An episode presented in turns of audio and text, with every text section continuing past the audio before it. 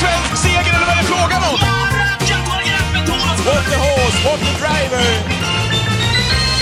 Hej på er! Mycket varmt välkomna till Travpodden. Det är veckan efter Elitloppet. Och som sig bör, David, så har vi med oss vår, vår vän, eh, gamla kollega och eh, ja, enligt traditionen, Johan Kösse Edlund. Det blir kul!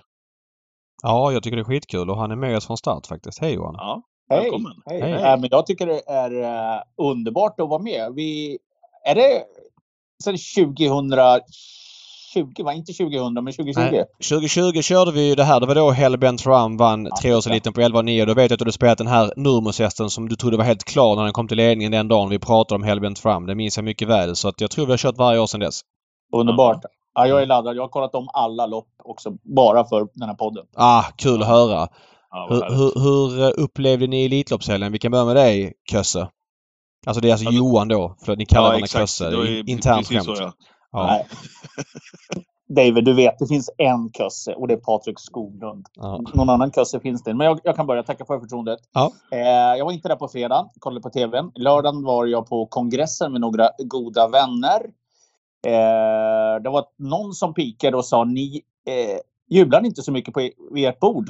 Ja, det var Nej. jag som... Det var, jag som eh, Det var, det var du, jag kusse. det Som var jag. Ja, det, det mm, var faktiskt tyckte, helt tyckte det, var, det var märkligt tyst där nere på nedre våningen på kongressen. Ja, nej, det var en iskall lördag faktiskt. Totalt iskall. Mycket bättre söndag, men eh, lördagen var iskall. Men jag upplevde det som en... Eh, ja, men, vad fasiken, det är ju årets roligaste travhelg. Så att, eh, eh, även om köttet var lite väl genomstekt och så där så härdade man ju ut med det. Det var eh, jättebra stämning.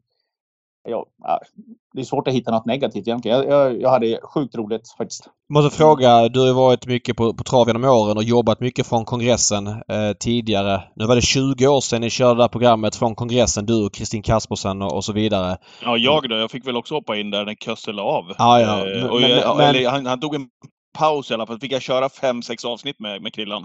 Ja. Gjorde du? Gjorde? Ja, ja. Körde fem, sex stycken. Första gästen vi hade där uppe, Linda Artursson. Då hade vi gäster uppe.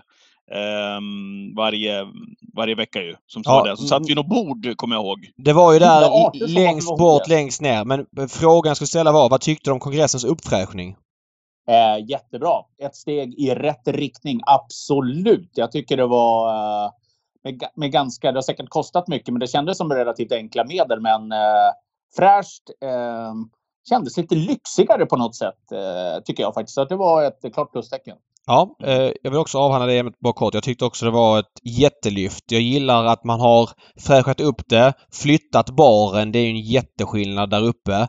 Eh, men ändå att man känner igen sig. Man vet vart man kommer, man vet var man har sitt bord liksom. Så att, äh, men helt rätt nivå på uppfräschning. För ibland kan det bli för mycket att man känner att oj, vad, det var bättre innan som jag satt vid mitt bord där. Nu är borden annorlunda. Utan, och sköna stolar och allting. Så där har man verkligen lyckats tycker jag.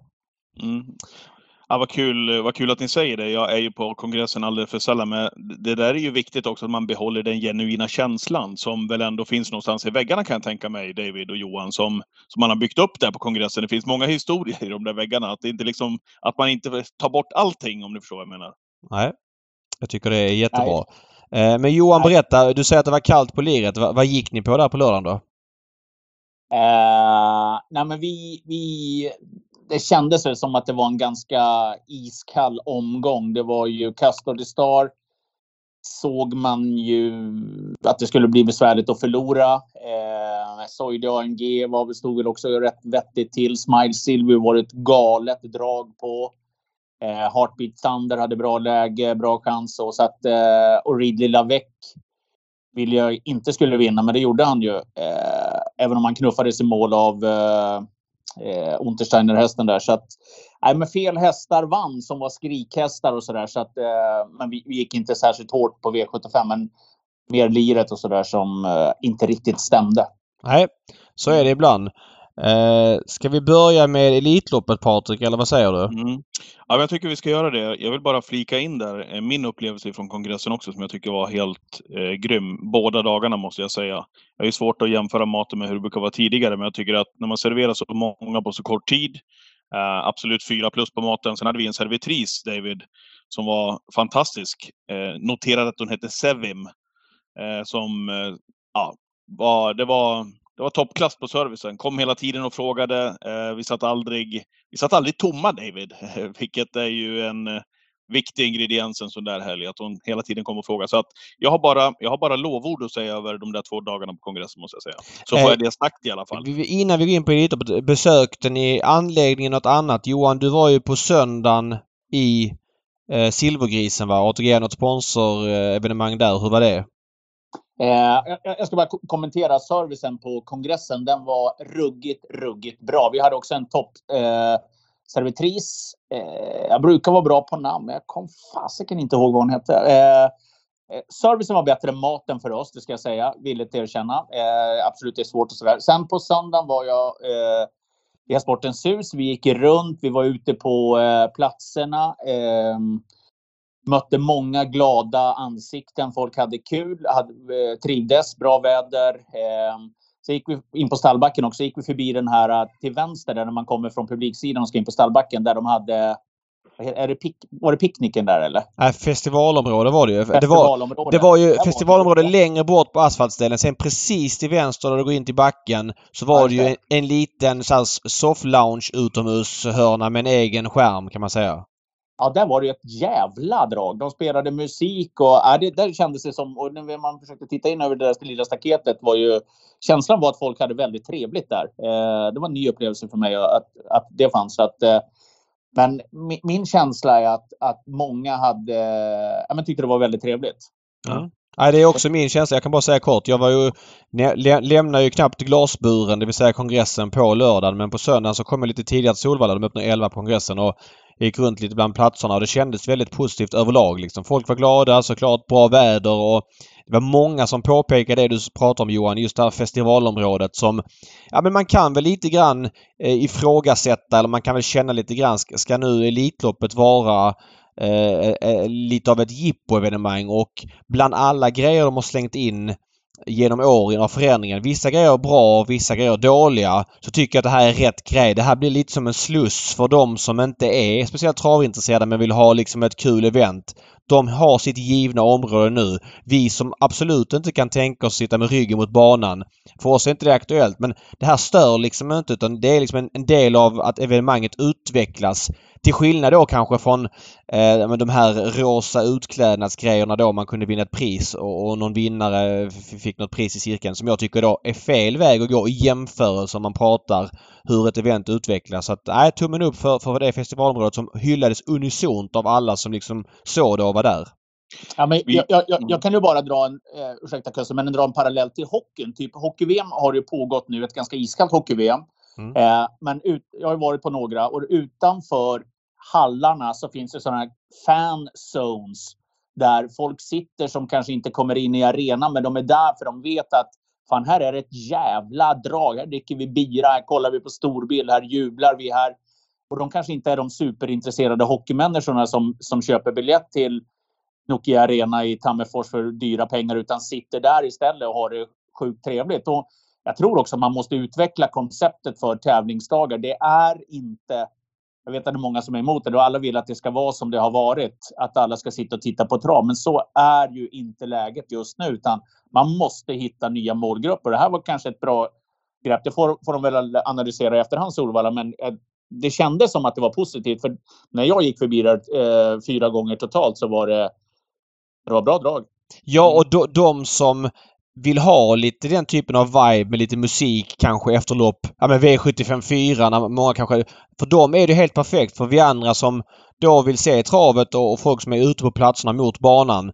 De drabbas liksom inte av det utan kör det i den hörnan och, och den hörnan är så iskall ändå så nu utnyttjar man den och gör någonting av den. Så att ja, det känns som att där har man hittat helt rätt i alla fall i i just den biten tycker jag. Mm. Håller med. Um, kort bara inflik, skrev på Twitter i söndags om um, ordförande Anders Holmgrens uh, invigningstal också. De uh, kan ju som ni vet när ni är ute på idrottsevenemang, uh, travbanorna i synnerhet om de kör sina stordagar, uh, dra ut på tiden och ja, men egentligen det babblas alldeles för länge så man tappar uh, åskådarnas intresse, publikens intresse i de här invigningstalen eh, som ofta passerar ehm, bara. Men jag måste bara säga det att Eh, klockrent invigningstal, kort, koncist och eh, pratade till 95 procent om Margareta Varelius Kleber. Det, det fick i alla fall mig att lyssna och alla andra i kongressen, det var tyst eh, när han pratade. Så att eh, cred till det också. Kan man tänka på det, alla andra när de ska hålla sina invigningstal, att hålla det kort, koncist och hitta kärnan kanske. Jag vet inte om ni tänkte på det faktiskt, men det var, det var mäktigt tyckte jag. Ja, jag, jag lyssnade inte, jag hörde det inte, men eh, vi har ju alla tre varit på tillräckligt många evenemang av olika arter som eh, där talen eh, tenderar att bli en, eh, inte en partyhöjare utan en sänkare av eh, mm. stora mått. Mm. Mm. Ja, jag håller helt med. Helt rätt ton och helt rätt längd. men det har Anders gjort bra tidigare. Han har haft liksom eh, att det ska vara kort och rappt som signatur. Så att, eh, håller med helt och hållet. Något som var eh, kort och rappt och någonting som var en partyhöjare, det var Elitloppsförsöken. Om vi börjar där såklart och vi börjar med det första försöket. Eh, och ni som har lyssnat på podden tidigare, ni vet att jag eh, trodde mycket på Etonan som slutsegrare av årets Elitlopp. Spelade jag honom tidigt eh, till fina odds och det satt man ju bra efter första försöket. Såg ni den prestationen komma i försöket? Där var ju vi, David, i alla fall i, i Twitchen och i streamsändningen som vi gjorde väldigt tydliga med att vi trodde till och med att Etonan skulle få svårt att gå till final eh, med tanke på att eh, han brukar ha problem med försöket, han skulle gå med skor och så vidare.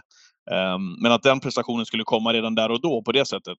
Vad säger alltså du jag... David om du börjar? Ja, alltså jag hade nog någon form av action i alla lopp under helgen. Det är ju knappast någonting man rekommenderar när man går på trav för att det kan bli ganska fel. Men det är många streckspel som går över flera lopp och V4 och V5 så då har man liksom något intresse i varje lopp. Och det var egentligen två dåliga vinnare under hela helgen. Det var ju Reed Lilla på lördagen som jag liksom hade plockat bort på allt och inte trodde någonting på. Ja, där fick man egentligen rätt men de hade otur i utfallet för att loppet blev kört som det blev. Eh, så, så att det blev som det blev och det var även Etonant var den andra vinnaren i Elitloppsförsök 1. Eh, att han med skor med lite dåligt trav skulle komma fram så smidigt i döden så att Örnas Prins skulle vara ledaren. Ja, det hade jag svårt att se och det är klart, nu var han 10% så det var inte så att han rensade jättemycket Etonant och jag stekte också honom på i princip allting och ja, så blir det. Eh, Don Fanucci Zet galopperade då igen och med Örnas Prins i ledningen med ganska måttligt tempo och Etonant i döden så var det ju upplagt för att han skulle vinna, vilket han också gjorde. Eh, jag vet inte, vad säger ni om Don Fanucci Zet? Eh, ja, han gjorde det som han gjorde i fjol. Jag hävdar ju då inför det här att en gång är ingen gång.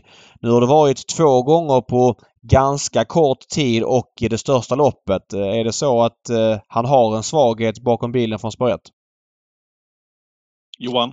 Ja, men det får man ju lov att säga. Det, det, det tycker jag ändå. Eller det, jag ska inte säga att det är en svaghet, men det är ett orosmål när han får spår 1 när han måste axa eh, och hotas av sju stycken konkurrenter utifrån. Det är en sak att starta från spår 3 eller spår 2 och utåt. Då riskerar han ju inte att bli fast. Så det är klart att det är ett orosmoln i framtiden. Det är jag helt övertygad att både Örjan Kihlström och Daniel Redén tänker. Eh, sen stötte jag på Örjan och han sa att han kändes... Nej, men det var inte som bäst. Han hade hostat efteråt. Det har ju stått i intervjuer också, men jag tycker ändå han, han gick ju helt okej okay efter galoppen, men det kanske inte slog gnister om honom. Men eh, lurigt att galoppera från spår 1 eh, två år på raken faktiskt. Johan, vad säger du om Etonan som vinnare? Överraskande. Eh, jag trodde att han skulle gå till final. Jag trodde inte att han skulle vinna, men samtidigt Don Fanucci borta. Önas prins absolut inte som bäst. Eh, fast, fast var inte Önas prins det? Alltså om man ska bara fastna lite vid honom. Vad förväntar man sig av honom? Nu, nu vinner man då det här försöket på 1.09,6. Eh, jag menar Örnas Prins har ju, är ju väldigt stabil och levererar ju ofta väldigt jämnt. Jag hörde att Nordström sa att han inte var som bäst men vilka gånger i karriären, om man då bortser lite, men det är två lopp som kanske är bättre än det här spontant. Det är ju Sprintermästarens final som han vann från Dödens och derbyt där han är jättebra från ledningen. Men är inte det här hans nivå annars liksom? Att han ska bli nerplockad av de här hästarna, eller? Jo, alltså att han inte ska räcka kanske, men nu blev det ju att han får ledningen. Det är inget märkvärdigt tempo. Jag tror att han är bättre. Jag tror att han är 10, 15, 10-12 meter bättre i alla fall än vad han visade. Eh, det hoppas jag för Nordström att han är, för annars är han ah, alltså då, nej. Eh, jag, jag, tror att han löpte en bra bit under pari faktiskt. 9-9 från spets. Ska han kunna så mycket bättre? Han fick alltså första fem gick på 10-2, varvet gick på 10-4. Sista fem för honom gick på 8-3. Jag, jag vill hävda att det är nära hans max. Jag vet att Nordström inte håller med men jag tycker också att min teori får lite stöttning bland hans prestationer. Det har ju varit väldigt mycket två läger vad gäller Önas Prins inför det här Elitloppet. Han har ju varit hårt spelad och i princip alla man har haft alltså i ens bekantskapskrets som man vet kan trav har ju dissat honom som betrodd. Inte hästen för han är fantastisk och allt det där men, men det fick man väl ändå lite vatten på sin kvarn när han ändå inte kan hålla undan trots ja, det är ganska mediokra tempot. Det, det, det, har kostat, det, har, det har kostat några gånger också David att ha, ha garderat Önas Prins. För man har ju, ja men så är trots, det ju. Trots att, han är, trots att han är i yppersta eliten ju så har man ändå eh, lagt honom i något form av fack där man inte tror att han räcker mot de allra bästa internationellt. Eller i alla fall jag har gjort det. Um, så att jag hade ju inte några större förväntningar på Örnarnas Örnas prins heller måste jag säga. Det var ju till och med eh, så att jag sa till dig David, så som lottningen utföll, vi ska återkomma till den alldeles strax när vi har tagit hem försök, det andra försöket av Elitloppet också. Men att där var det upplagt för att han skulle köra i ledningen och med tanke på Pers eh, tro som han har på sin egen häst så tänkte jag att han kommer aldrig släppa ifrån sig ledningen även om man kanske tyckte att det skulle vara det bästa scenariot. Nu gjorde han ju det. Vi kommer till det strax, men eh, ja, eh, jag, har, jag hade inte honom så mycket högre heller än, eh, än att han skulle ta sig i mål, eller ta sig i, eh, i mål som trea faktiskt i ett försök. Men, men jag kan sträcka mig till att han inte gjorde sitt bästa lopp i karriären. Det kan jag köpa. Men jag är inte förvånad över att han packar ihop sista hundra mot de där två monsterna som han fick spö ah, både ett och annat och Gone jag, jag, jag kan hålla med om att han, att han inte räcker mot de allra bästa. Det är ingen snack om det. Men det här blev ju inget, det är ju inget tufft försök det här. Han har ju gått nu vet att man inte ska jämföra tider, men han har gjort bättre insatser än vad han gjorde i söndags tycker jag. Eh, ja, jag tycker han var jätte, ja, men blek. Alltså, jag tycker han, är, han borde ha vunnit, absolut. Mm, eh, Etonom med skor från dödens. Go on boy, okej okay, Go on boy gör en, ja, spurtar sjukt bra både i försök och final men ah, jag, jag, jag, vet inte. Jag, du tycker försöket är billigt eller? Jag tycker inte att det var det bästa försöken. Det tycker jag inte. Nej, det var det inte. Don Fanucci hoppar. Blir därmed borta. Vernissage Griff och Just Believe hoppar. Vernissage Griff tidigt slagen också. Brother Bill återigen floppar totalt i Elitloppet. Kommer mål på 11 1. Han var ju tidigt slagen. Okej, hamnar ju visserligen dåligt på det. Och Stollo Show glider med som, som fyra. Jag hävdar, håller med dig helt och hållet. Det här var ju ett dåligt försök. Punkt slut. Ja, det var ett dåligt försök. Dåligt ja. försök. Mm. Eh, ett vinner med skor från dödens på 9 och 6. Ja. ja. Eh, vi, vi flyttar vidare då till det andra försöket som, som Björn Goop vann och gjorde tillsammans med San Motör. Där måste jag säga, jag vet inte vad ni hade för känsla om ni tittade till San Motör, ungefär 1100 meter från mål. Hade ni segerkänsla för San Motör då? Nej. Nej. Nej, alltså det var, det var helt otroligt vad han sladdade eh, en bit ner faktiskt. Och eh, jag blev ju väldigt orolig när jag såg San Motör vara ute. Nu har vi följt honom många gånger när han varit ute och startat, men jag blev väldigt, väldigt orolig eh, när han var ute på lilla banan. När, jag vet inte, var det Håkan Arvidsson som var ute och värmde? Jag törs inte svara på det. Har ni bättre koll på det? Ja, nej det var Håkan Arvidsson som värmde på in, inneplan okay. och han galopperade ja. mer eller mindre tre varv. Vi satt och snackade om det vid vårt bord att oj. Eh, jag som inte tar jättehårt på värmningar tyckte väl att det där är nog ingen större fara men det är klart man hajar till. Eh, sen såg vi också att eh, Anders Malmroth var framme och pratade med Arvidsson som sen pratade med Per Skoglund som du smsade Patrik som, som skrev mm. Eh, nej men vi vart ju oroliga och efter de hade, vi såg att de hade dialogen där på, på inneplan Malmrot och, eh, och Per så, så smsade jag Per och frågade vad, vad, vad är surret? Och då sa han nej ingen fara, han hatar lilla banan. Så det är nog ingen fara med honom. Eh, och det, det får man ju säga att det stämde helt och hållet. Ja, precis. Men, en annan häst han kom ut. Ja. Vi har ju sett hästar leka tidigare. Eh, det finns flertalet exempel på det ju, att de inte vill ta trav och de är lite uppspelta, uppspelta utav publiken som är på Solvalla den där dagen också. Men när man såg att Håkan skulle försöka få honom att trava på lilla banan så ville han ju inte det heller utan det såg väldigt, väldigt stelt ut och eh, ja, jag blev väldigt förvånad. Men sen kom han ju ut på stora banan och då, då såg det ut som vanligt igen och då drog man en lättnadens suck att det inte var något strul med honom i alla fall. Mm. Ja. Uh, här var det mycket spekulation om löpningsscenariot. Jag tyckte det här kändes som ett av de roligaste travloppen jag någonsin skulle få se. Jag visste inte vem som skulle ta ledningen. Jag visste inte vem som skulle testa, vem som skulle vara först fram. Eller man hade ju sina aningar. Att Bertolin Trio skulle vara snabb ut, det visste man ju. Och att Adrian förmodligen inte skulle ta en längd. Men vem skulle vara först fram och testa? Jag hade ju Hail Mary som favorit att testa. Jag hade också som favorit att Kim skulle köra i ledningen men det var inte säkert. Det är ju en sak att säga det inför och en annan sak och, och säga det. Vad tycker ni om, om det scenariot som hände där? Kör du Kusse. Eh, jag kan börja. Jag kan eh, jag kan ju inte ändra mig nu David, för jag sa ju det innan också att eh, jag tror att Kim kör i ledning och jag tycker att han ska göra det för att jag tror att eh, Best of Dream Trio går en riktigt bra tid ifrån ledningen. Eh, såg ingen anledning till att han skulle släppa faktiskt. Eh, nu är det väl lätt, jag vet inte, det kanske till och med har stått någonstans, men eh, man får väl ändå ana att det var någonting som inte stod rätt till med Best of Dream Trio som kom i mål på 13-8 och packade ihop fullständigt efter, det, efter ett varv. Eh, så någonting var ju galet där. Men jag kunde ändå se att Kim skulle köra i ledningen. Eh, och det, ja, Åke provade, men undrar om inte Åke också skulle kunna listat ut det, för där kostar det ju, kostar det ju Hail Mary också en, en, en ruggig speed. Ja, det, vi ska säga det. Det gick ju, vad gick det? 6, ska jag säga, 8,5 gick det första fem. Det är ju snabbt men det är ju inte det snabbaste man har sett. Tycker ni Åke gör fel som testar för att när han hamnar i dödens i det läget oavsett, testar han inte Nej, då kanske att of Trio får fuska lite. Och, och, och, men det är ju inte hans värsta konkurrent kanske. Exakt. Samtidigt... Jag, jag, jag har tagit en lugn dödens tror jag inte hade gjort någonting för Hail Mary. Nej, med facit hand så hade det varit det bästa såklart. Samtidigt så har han ju en chans att skaffa sig en fördel. För kommer han till ledningen där så blir det inget tempo alls heller. Och då har han en jättechans att vinna försöket. Men han, han ser ju ganska tidigt att Västerlid Trio, Trio blir ju lite vass också när Kim trycker iväg honom från början. Så Åke ser säkert att han blir vass. Så att jag kan tycka att, jag vet inte, eh, lite onödigt att köra mot honom och pröva. Eh, Kim har ju varit ganska tydlig också med att han, han är, det har ju låtit mellan raderna i alla fall, även om det inte varit helt uttalat att han skulle köra i spets. Men för mig är Best of Dream Trio en silverdivision guldhäst. Alltså jag, jag vet inte. Jag, jag har haft väldigt svårt att se i veckan här den H som har varit om Best of Dream Trio att han ska leda hela vägen och sådär. Det är klart att det är något som var kall med honom idag eller i söndags. Men är han så bra alltså? Nej. Jag håller med. Däremot så såg jag scenariot ändå att Kim skulle prova. Eh, men ja, svårt att se honom räcka mot dem där. Eh, om vi, om vi släpper Best of Dream Trio, eh, tar hem San Motör och kanske de där bakom där, där slutsegraren Onek eh, var tvåa i mål. Och där vi väl ändå fick se också eh, bakom San Motör. Var det den svettigaste insatsen vi har sett på länge? Försökstrean, eh, Vivid Wise Us, i det där loppet.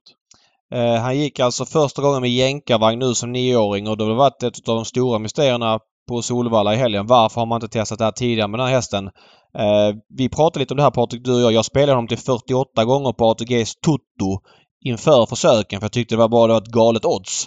Eh, det var inte så att jag hade en jättefeeling för honom att han skulle Nej, vara så här. Alltså, och sen så, hade väl också gul pilothästar gått rätt bra under här. Ja, de flesta hade gjort det. Men, men, men att han ska gå i tredje spår ett varv, komma ner i döden, stå på Hail Marys som då tar över från Best of Trio och plocka ner den och liksom bjuda strid mot Hönek och San Motör som har fått ett bättre lopp. Ja, det var helt, det sjukt. sjukt. Och, det, och det är klart att han vinner det försöket om han får... Eller det gör han väl inte till 100% men han har ju en vettig chans att vinna om det blir liksom ett hyfsat normalt lopp för honom. Nu blir han ju mm. tapper trea och brände väl säkert lite krafter inför finalen i och med det loppet. Men, men totalt sett en, en 5 plus-insats. Ja, ja, men det är ju en vansinnigt bra, bra insats som han gör. Det är ju och det är inte många centimeter som skiljer mellan Onek och Vivid Vice As. Tänk vilka eh, konsekvenser det får för finalens utgång.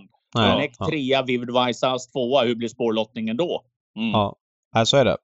Uh, Hönek gick väl bra får man ju säga men jag vet inte. Jag, jag kan inte säga att jag är förvånad att, att han blir omsprungen av San Motör som följer med i rygg. Samtidigt så hade jag ändå förväntat mig att han skulle liksom bjuda lite bättre stil. Det kändes ju tidigt på upploppet att Samotör skulle avgöra och Samotör går ändå ifrån och vinner liksom nästan med en längd här och Hönek knäpper honom precis på linjen om annanpriset. och nu står det skrivet i stjärnorna men det kan ju ha varit hyfsat, som du säger, Elitloppsfinalsavgörande. Ja, ja, det var det. Eh, Salmotör är det ju få hästar, om ens någon i hela världen, som slår när han får de där resorna. När han får liksom gå med och spurta till slut, då är han, då är han ju ja, ja, världsetta. Typ, Men om, om det förra försöket blev dåligt då av vissa anledningar så blev det här toppförsök. Det blev full fart, det blev oväntade körningar då får man säga att det blev så pass tufft tempo. Hästar som överpresterade då i Vivi Vaisas en tung trio som var 1, 2, 3 som man kände att gjorde tre bra prestationer.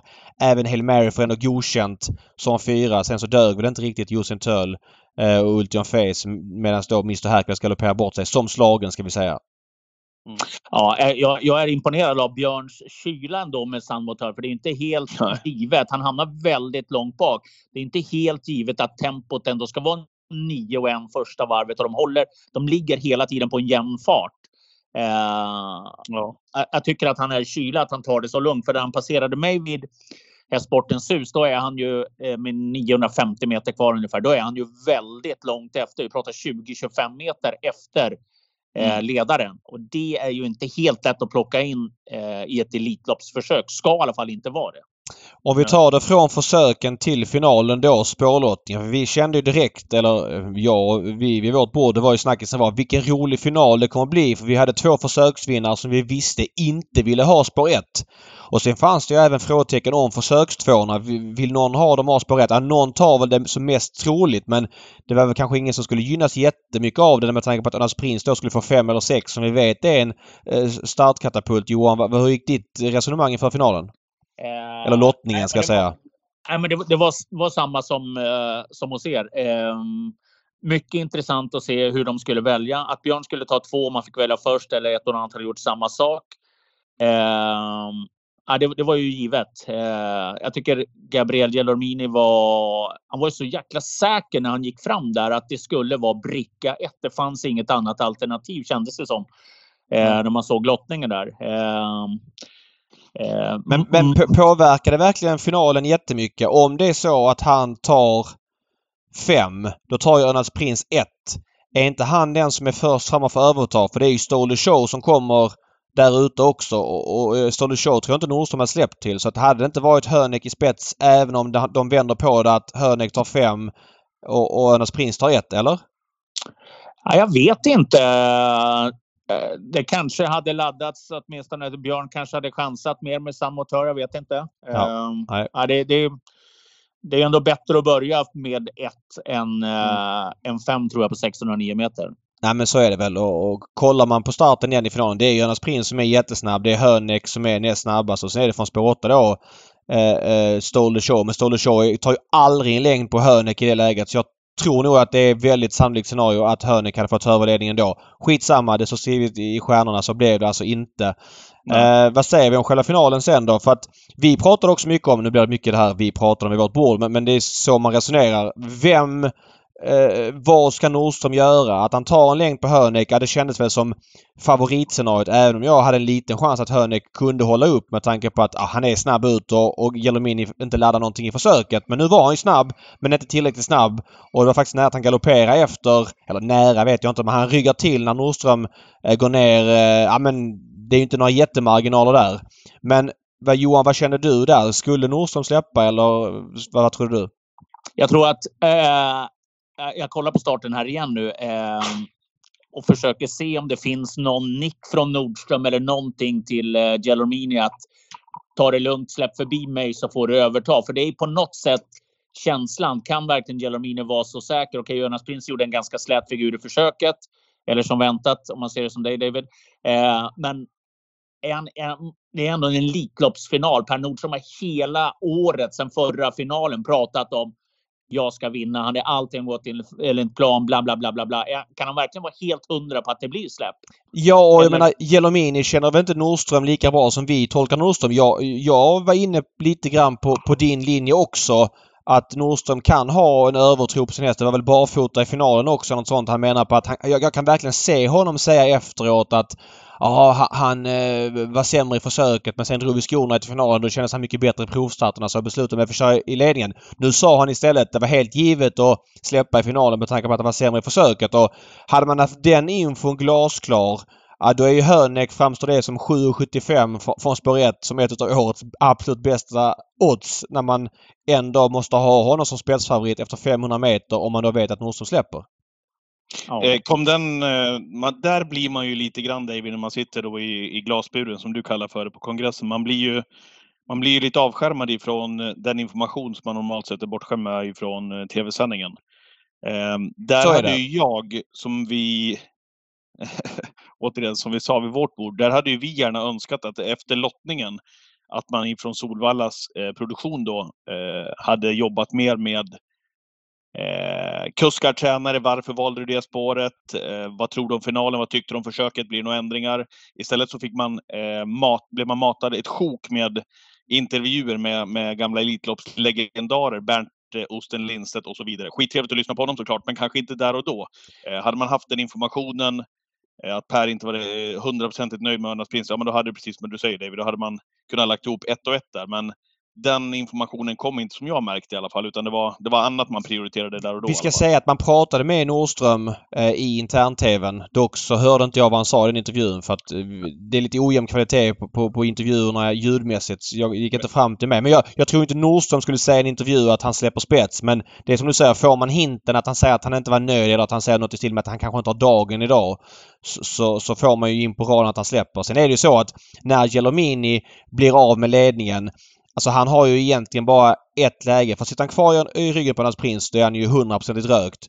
Eh, går han ut i dödens och tar en lugn dödens så är han mest troligt rökt också för då har han eh, samotör i rygg som är liksom för snabb. Utan hans chans att vinna loppet det är ju att chansa där och är det så att Nordström svarar, ja då får det vara så. Men, men ja, det blev ju väldigt rätt av Jelomini i det läget och det, i efterhand kändes det givet från båda. Givet från Nordström att släppa och givet från Jelomini att prova. Men frågan är, är det en chansning eller har han, är han så pass, vad ska jag säga, har han den infon, har han den kollen, vilket han förmodligen har eftersom det är en toppdriver på att Önas Prins var dålig. Eh, men det här är ju på något sätt också Per Nordström och Önas Prins chans att vinna. Jag vet inte, kommer det fler chanser att vinna Elitloppet med Önas Prins? Ah, kanske nej, inte. Men... Nej, men han insåg väl också att eh, han, han fick varva på över 10 i försöket.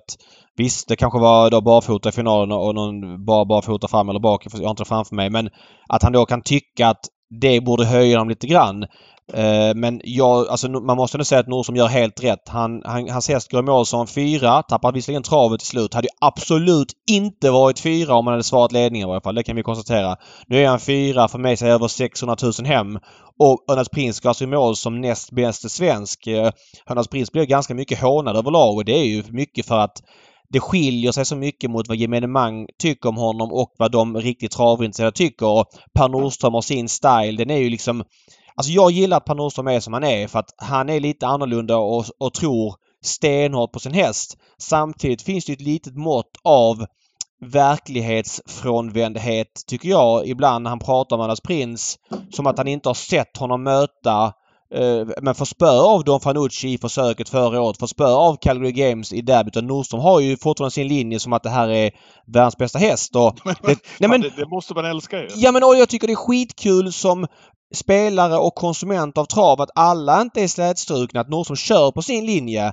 Sen mm. får man väl också då känna lite grann att okej, okay, eh, är det här ett spel för galleriet eller tror han på det här själv? Vet inte. Men lik förbannat är det kul. Men det gör också hela grejen lite mer svåranalyserad men då skaffar han sig också folk som ja, men menar på att ja, men har du inte koll på att hästen har fått spö de här de här gångerna, hur kan du tro så mycket på honom? Som då är framme och hånar honom när han liksom då inte räcker till från spetsen. Eller inte hånar men lite grann knyter näven och det må vara hänt. Det är väl kul att folk får relationer till hästarna och i vissa fall kan knyta näven när någon tränare inte vinner för att man inte gillar den eller knyta näven när någon man gillar vinner. Det är väl det det handlar om, de känslorna. Så jag tycker Per Nordström gör helt rätt som är sig själv, skiter i vad alla andra tycker och kör sitt race.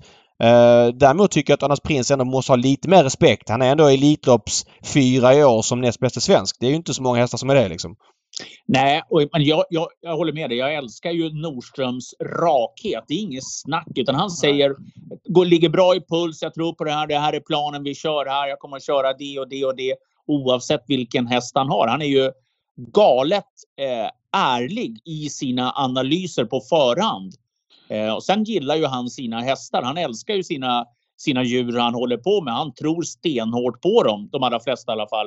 Eh, så jag, jag, tycker det är jättebra. Sen är man så, det är klart att folk då tycker lite skadeglädje. Det är ju eh, så, inte minst inom travsporten, att okej, okay, han stack ut hakan, trodde han skulle vinna där. Vad fan, vad tror han att han har mellan skalmarna? Mm. Men jag, jag, tycker det är bra. Jag, jag, tycker det är uppfriskande i en alldeles för vattenkammad eh, situation som det är ganska ja, ofta i travet, ja. framförallt med intervjuer. Och, och, tyvärr så är han ju nästan unik av elithästarna att, att kunna, precis som Johan är inne på, att um, berätta vart hästarna, vad han har för plan för Det är lite Nisse Enqvist och Paul Viking över det hela. Inga eh, övriga jämförelser. Men um, han kunde ju berätta att nu ska vi ut här och sen ska vi till Italien om eh, tre veckor och sen efter Italien då ska vi starta där. Det är om sex veckor och om två månader. Och, och vilket, eh, vilket, vilket har en, får jag säga, lite lallig aura över sig. Nu menar jag inte att Per Nordström på någon vänster inte vet vad han håller på med. Men i, i Enqvists fall så fanns ju den känslan hela tiden att okej, okay, du planerar liksom hela året här nu. Det är väl jättebra att ha en plan i huvudet men när du går ut och säger det här så riskerar du samtidigt att inte kunna fullfölja planen och då alla sett att de misslyckats och så de brallorna nere. Det är ju väldigt är det, vilket, jag också, vilket jag också tycker är härligt att det är någon som är ja, så transparent. Också. Så är det och det är kul att inte alla är som Johan säger vattenkammade och hundraprocentigt likadana och tar ett lopp i taget och där. Ja men han säger sin plan. Nu är inte han lika kanske detaljerad som, som Enqvist är, långt ifrån. Och som du verkligen säger, absolut inga jämförelser i övrigt. Nej, eh, men, det tror jag vi ska slå fast. Nej, Inga verkligen. jämförelser i övrigt överhuvudtaget mellan de två. Där var jag väl tydlig. Ja, men det, absolut. Men, absolut. Ja. Nej, men så att eh, jag vill verkligen hylla Per Nordström och Örnas Prins. Liksom. De spände bågen. Eh, de fick med sig ett fjärde pris i Elitloppet och Örnas Prins är fortfarande liksom en elithäst och en attraktion vart mm. han än kommer framöver. Då tar vi hand om... Men, men, ja, får jag bara säga då att han, han Eh, tappar ju travet som du var inne på David. Han rycker ja. inte huvan i finalen eller någonting utan det är nöd och näppe att han håller ihop stilen så att det är nog uh, lite veterinärkoll på, på Önas Prins så kommer han tillbaka med ja. uh, nyladdade batterier. Får se vilken, vilken, vilken nivå på lopp det blir då. Men Åbergs är väl ett tänkbart alternativ ska jag Absolut. tänka mig. Eh, måste bara lyfta från lite grann. Han hoppade ju i, i fjol eh, i utgången av sista sväng. Då skyller Nordström på någonting med hovarna att de var någon millimeter för långa. Nu tappar han travet igen man får ju känslan, alltså nu man får ju känslan att det kanske är en röd tråd som man började ana lite förra året. Att han tappar travet till slut. Ja men vi, vi tuffar lopp. Det kan vara en slump. Det kan vara en slump. Men med det här facit i år så känns det som att det kanske inte var en slump förra året. Nej, kanske så. Eh, som många andra som vi har sett när de kommer ut och har gått två hit. Eh, det är helt ärligt inte alla som som ser bäst ut sista 200 meterna utav Elitloppet och framförallt inte efteråt när de är ute på lilla banan. Utan det, tar ju, det sliter ju enormt, vilket de vet ja. också på de här atleterna, att gå de här två eh, nio tiderna mot världstoppen såklart. Så att det är nog inte bara Örnas prins, men jag håller med dig. Jag tycker inte att han, av förståeliga skäl, han såg inte, han såg inte som bäst ut efter loppet och eh, det är nog få som gör det, som, som kommer ur de här två loppen helt, helt helskinnade och, och, uppe i ringen eh, om några veckor. Utan det, det, är många som kommer plåstra om såren. Jag pratade med Björn Goop igår på Romme och frågade hur San Motör eh, mådde eh, dagen efter eh, Elitloppet och han sa han mår okej. Okay. Eh, och det, det är väl skönt att höra men det säger kanske också en del att det tär på de här världsatleterna också. Eh, ska vi säga någonting om lite övriga hästar? Vi har inte sagt så mycket om Hörneks prestation egentligen. Vad var er känsla när han kom till ledning? Känner ni att oj, det här blir svårt? Eller hade ni fortfarande känslan att Samotör skulle liksom spela ner honom eller kanske Etonant? Vad känner ni där då? Jag, jag tänker så här, när, när han kommer till ledningen eh, så, han, så drar ju Björn Goop Svarte Petter. Alltså, ja. han ska slå ledaren och sen har han Etona i rygg och han har Go On Boy längre ner. Eh, vad, vad, ska han göra? Ska han gå upp och trycka eh, på Onek? Eh, då bjuder han in ett och någon, då bjuder han in Go On Boy. Ska han ligga kvar som han gjorde nu, lite någon halv, en och en halv längd bakom, då kommer Onek att vinna. För han får ju köra. Han är ändå nere på 12 tempo, Onek, från eh, efter 400 meter och genom hela andra svängen ligger han på 12, 12,5. Då går det ju sakta för, mm, för den här kvaliteten av hästar. Så att jättesvår situation för Björn Goop. Det är, ju, det är ju på något sätt maxprestation att bli tvåa. Det, det tror jag. Han gör ju ja, jättelopp samotör alltså. Ja, det gör han. Han gör ju två fruktansvärda prestationer helt enkelt. Ja, ja, helt, enorma, helt enorma prestationer. Alltså. Men, men det går, som du säger det går ju inte att slå Örnek i det läget. Eh, som du säger, han kör Nej. varvet alltså på 10 och 1. Uh, visst, han har inte vunnit ihjäl sig i Frankrike men känslan var att han på 1000 meters bana med jänkarvagnen skulle springa väldigt fort. Det kändes okej okay med ett litet plus efter försöket men det är en sak att springa i spets så fick han då fuska bort lite grann i, i mitten av loppet. Ja. ja men då är det godnatt för övriga liksom. Ja, ja men lite så. Lite ja. så. Eh, sen kanske han var, kan, måste säga, någon meter bättre än vad jag trodde i finalen efter han visade försöket. Det måste jag säga att han, han springer ändå alltså, se vad sprang 6 och, eh, vad blev det, ska vi säga nu, 6 och 4 sista 500 meterna. Det är ganska svårt att ta längder från, från spåren då. Även om eh, Etonant nu tappade stilen till slut i, i finalen. Man hade ju, eller jag hade ju nästan räknat in honom där han fick andra ytter på San Motör. Tänkte nu får de vara, nu får de vara jäkligt bra om de ska slå honom. Eh, men han tappade ju stilen till slut och såg inte alls ut som han gjorde i finalen under fjolåret när han vann. Eh, men vi kan ju konstatera en sak väl, det är ju att de här fransoserna som kommer hit eh, nu är det olika sorters hästar, både Unek och Etonant, men eh, när de får biken på sig och springer under de här förutsättningarna så Ja, det är någonting som sker ju. Ja, men här vill jag dela upp frågan lite grann i, i olika eh, nivåer så här. Om vi pratar i ett långt perspektiv. Eh, det är klart att det går årgångar från årgångar till hur bra franska hästar som kommer. Vi får nog räkna med en nivåhöjning från franskt håll sen man höjde först, första priset i Elitloppet förra året till 5 miljoner. Kommer det fortsätta vara det så kommer vi kunna få en lite högre nivå generellt sett på de franska hästarna. Det är en sak. Sen blir det lite tröttsamt tycker jag när folk ska börja dra växlar och säga att ja men de fransmännen har sprungit ifrån oss helt och hållet. Alltså om vi backar bara lite grann. Sista två åren. Vi har alltså Don Fanucci som är 1,78 favorit i förra årets Elitloppets final. Eh, han har spår 1, han galopperar. Ja, Okej, okay. Etonant eh, är enorm och vinner i loppet. Fortfarande Don Fanucci som är jättefavorit. Här har vi en svensk häst som är 2,38 favorit i Samotör. Nu börjar... säger, väl det, säger inte det mer om spelarna då? Nej men eh, vadå då? Man alltså... på sitt eget hemmalag än vad man tror på. Nej men det är väl hemmalag och hemmalag. Ja men det, det köper inte jag. Alltså även om den här fransmännen spelar inte in i den här poolen så att det går ju att säga såklart att, att San Motör var överspelad men det är ju ganska mycket omsatt och det är många duktiga eh, liksom spelare som är inne och opererar i det här. Att det ska vara något jätteöver oss på San Motör eller under oss det köper inte jag utan han ska väl stå här någonstans. Ja men facit i hand är allting väldigt enkelt. Jag menar bara att eh, vi har haft två svenska hästar favoriter de här två åren. Det har inte gått av olika anledningar. Men jag, jag vill vägra ju säga att det här är liksom att det är någon, någon, något systemfel utan kanske en lite högre nivå på de franska hästarna sista två åren med tanke på att man har höjt för, första priset. I övrigt hävdar jag att det är slumpfaktorer som har gjort att de har vunnit de här åren. Det tycker jag. Jag, jag, jag, jag håller med dig och inte. det är klart att första priset har en jätteeffekt. 5 miljoner kronor är ju otroligt mycket pengar. Även för en, en fransk hingst som står i avel.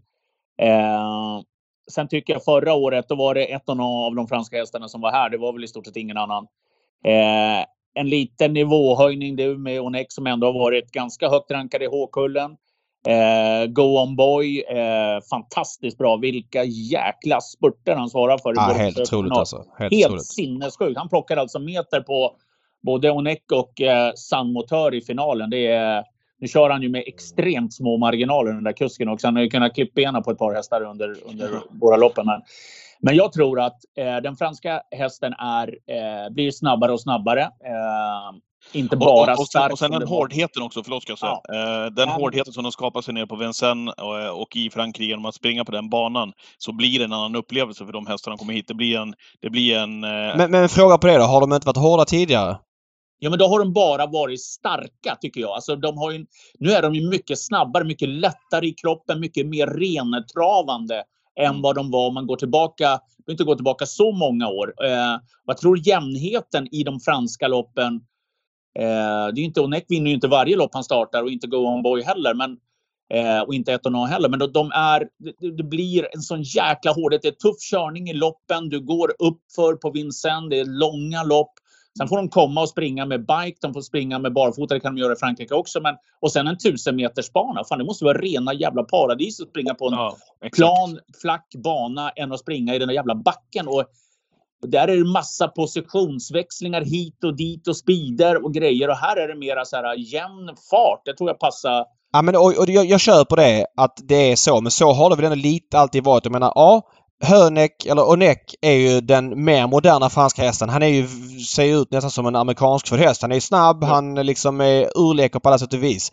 Men vi måste ändå säga att Etonan tillhör det du beskriver som det gamla franska hästen. Stark, inte så sköntravande, eh, liksom springer hur fort som helst länge, väldigt ovan för positioner. Så att då är det ju Onek som kanske har lyft det här, men det är ju ett år.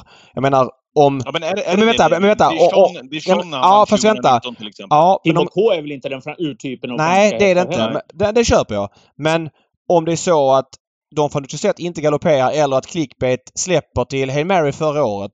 Då vinner förmodligen någon av dem. Och, och då blir det liksom inte riktigt samma grej för att det går ändå i underljudsfart första året. Alltså förra året gick alltså 6 och 6 första fem åtta blankt på varvet. Det är klart som fan att de körde i halsen på ett annat då som Visst, han galopperar enorm. Men han vinner ju inte loppet om det liksom pullas upp och det kommer någon bättre häst än clickbait i ledningen. Jag, jag, jag menar att, ja visst.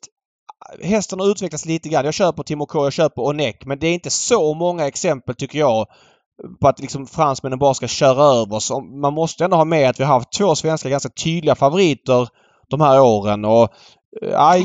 Det är så skönt det du säger att man blandar in spelet där. Ja men det är väl då, det, det, men det är då med facit i hand om hur loppet är kört. Det kan ju inte representera hundra utfall av hur, hur uh, alltså det är ju ett, loppet körs en gång men om du kör om det flera gånger så blir det olika scenarion på det. Det måste vi ändå förstå liksom. Och det, är ju, det handlar ju om folks förväntningar på hästarna. Det var ju inte så att hästarna inför de franska bara liksom sprang runt utan de var ju inte överlägsna att vi fick en svensk Toto-favorit. Ja, jag, jag, tror inte att det är en tillfällighet att vi de senaste Nej, tio åren har fem franska vinnare av Elitloppet. Att de kommer och äh, får en helt ny upplevelse. Jag tror att vi kommer få se fortsatt fransk dominans de kommande tio åren faktiskt. Det, jag tror, jag håller med om det. Och jag tror att de är kanske mer sugna på att komma för de har haft, det är inte bara Elitloppet, de har haft väl, två väldigt bra år under Elitloppsserien. Vi såg Jassi Perin springa eh, nio blankt liksom som hade, ja, som, som har liksom ebbat ut som kulletta bland, storna, bland de fyra storna i Frankrike kraftigt skulle jag säga. Men nu liksom fick den här nya upplevelsen. Och jag håller och hon är också lite amerikansk i stilen. Men jag tycker att Ja, ska det dras så stora växlar helt plötsligt? Ska vi helt plötsligt vara så mycket sämre? Nej, jag, jag köper inte det. Jag tycker att man måste förstå att det är tillfälligheter som gör vissa av de här faktorerna. Det är ändå en 10-åtsare som vann i fjol och en 7-åtsare som vinner i år. Jo men det handlar väl om, det är väl folks förväntningar. Du kan, efter ja, loppet ja, ja, är det jättelätt. Absolut. Men jag tror att den, den, franska rasen, den franska hästen har ju alltid varit jäkligt stark. Ja. Den, har kunnat tra, den travar lite halvdassigt, men den, den kan gå, den tål fart, den orkar, den har ett bra psyke. När aven hela tiden går framåt, snabbare växlingar, de blir snabbare, de blir mer rentravande. De har hårdheten från framförallt Vincennes. Eh, det är en, det är en, travsporten i Frankrike, det är många mer häst, fler hästar som tävlar än, än i Sverige som föds per år. Det är klart som fasiken att bredden blir, eh, toppen blir bred men också spetsig. Och jag tror när de kommer till den här 1000 metersbanan, slänga på sig en bike kanske vid något tillfälle och sådär. Eh, det blir annorlunda. Jag tror hästarna uppskattar det mycket mer och springer lite på ren glädje. Och jag tror att det är en trend eh, faktiskt att de franska hästarna är lite bättre än de svenska med undantag Readly Express till exempel. Ja men då är Francesco Zet nu. Zet ja. kommer att vara en, en, en, en superstjärna också. Calgary men... Games. Men, men, men David. Ja, Vad var han? 1,40 favorit i Prix de Nordborn eller någonting? Alltså, ja. Men David, men David, kan det inte vara så också? Du sa att Eh, det är svenskarna som spelar i den här poolen, var det inte så? De, de oddsen som du relaterar till här. Jo men fransmännen spelar ju alltid franska hästar oavsett ju. Så att du, du, du, vadå? Alltså det är inte bara svenskar som spelar den här poolen. Fransmännen... Ja, det, det, är sjukt men, höga odds på Frank, Frankrike-hästar. Ja men, ja, men vadå? vadå? Kan inte vi svenska spelare säga att... Jag spelar ju Hönek själv, det vet ju du om. Kan inte vi svenska spelare ja. säga att en fransk häst är bra? Det är klart vi kan. Jag tror ju inte det blir jag, så jag, färgade. Men kanske, kanske ändå underskattar eh, deras hårdhet. Som Nej, det vet jag inte om. Vi, jag, jag tror att många duktiga svenska spelare ser skillnaden. Det, det vill jag hävda. Ja, men jag, jag är med på... Jag är med på Johans resonemang med, med eh, tu, alltså hårdheten där och att det kommer lite bättre franska hästar Men om vi, det, det, är inte så länge sedan Malmrot och då Myron som var sportchef innan honom hade verkligen problem att locka franska hästar. Alltså det var lite base. Jag menar, Dijon kommer. Visst nu vann ju han ett dåligt Elitlopp och hade lite tur och sådär och travade knappt sista biten. Och Aubryon du Gers var med i samma Elitlopp. Men det har ju varit lite den typen av hästar. Vad sa du? Han slutade väl Jo, han, slutade, han var bra, Aubryon Gers. Men, men jag menar bara på att det ska dras snabba växlar. Sen såklart, om vi ska vara ärliga, det är klart att det är en för... Om du vill vinna Elitloppet så hävdar jag, det är min gissning, nu är inte jag travtränare. Det är inget plus att du har gått med barfota och bike som treåring. Som de inte gör i Frankrike. De har ju mycket längre karriär på sina hästar. Det är en fördel och det har de haft länge. Vi går ju mer åt USA-hållet där det ska dras växlar i, i, större utsträckning. Vi såg Reus hade en häst, den här Epson A som var enorm och vann på, på 12 och 9 full väg i typ, jag vet inte hur många starter han hade gjort. Men det är ju knappast bra om man sen ska vinna Elitloppet om fyra år. Nej, det, det, där är ju en helt annan karriär. Så där har vi ett vägskäl där de har, kommer att skaffa sig en fördel, tror jag, för att de inte maxar allting som treåringar. Eh, det, det är en sak. Mm. Eh, men jag, jag, att dra för stora växlar på de här två åren sett till hur loppen lite slumpmässigt har blivit körda. Ja, det vägrar jag göra. Men okay. kolla, kolla hur loppen är. Kolla i, i, i Paris då, Vincennes vintermeetinget. Okej, okay, kanske inte alla våra bästa hästar startade, men några gör det i alla fall och testar lyckan. Mm. Vi är ju inte särskilt framgångsrika. Fast det är vi ju inte för att vi har inte alls samma bredd. Men hur många av våra bästa hästar Nej. är som åker ner? Alltså i år hade vi Don Fanucci Zet. Vilka, det var någon svensk till som var med. Jag kommer inte på det nu bara för att säga det. Det var väl typ... Uh, ja, Don Fanucci Zet Okej, okay, han är jättebra och han är en av våra bästa hästar. Hur bra är han över lång distans? Jo, ganska bra och ändå blev han sexa i Prix från ledningen. Jag tycker ändå vi har haft ganska stora framgångar med Noras Bean, Ridley Express, Maharadja.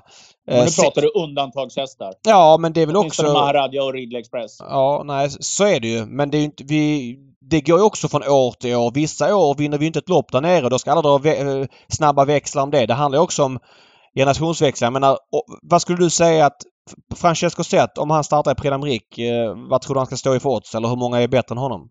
Ja, men det, det, det, är ju en uh, hypotetisk fråga. Det, det, är omöjligt att svara på, men jag tror att Francesco sett uh, eh, om, om han har varit på topp. Hade han varit på topp hade han såklart startat och känns bra sådär, skulle jag tro. Men det, det jag tycker också, det är ju loppen körs ju på ett annat sätt på Vincennes. Det är ju högre tempo. Uh, och den här långa utslagsgivande banan också i Sverige. Hur ser ett, hur ser ett 1600 meters lopp ut i Sverige för eliten? Snabbstart till ledningen, clickbait till ledningen. Okej, sju och en halv första fem, kommer till varvet på 11. Då har det gått 15 mitt i det.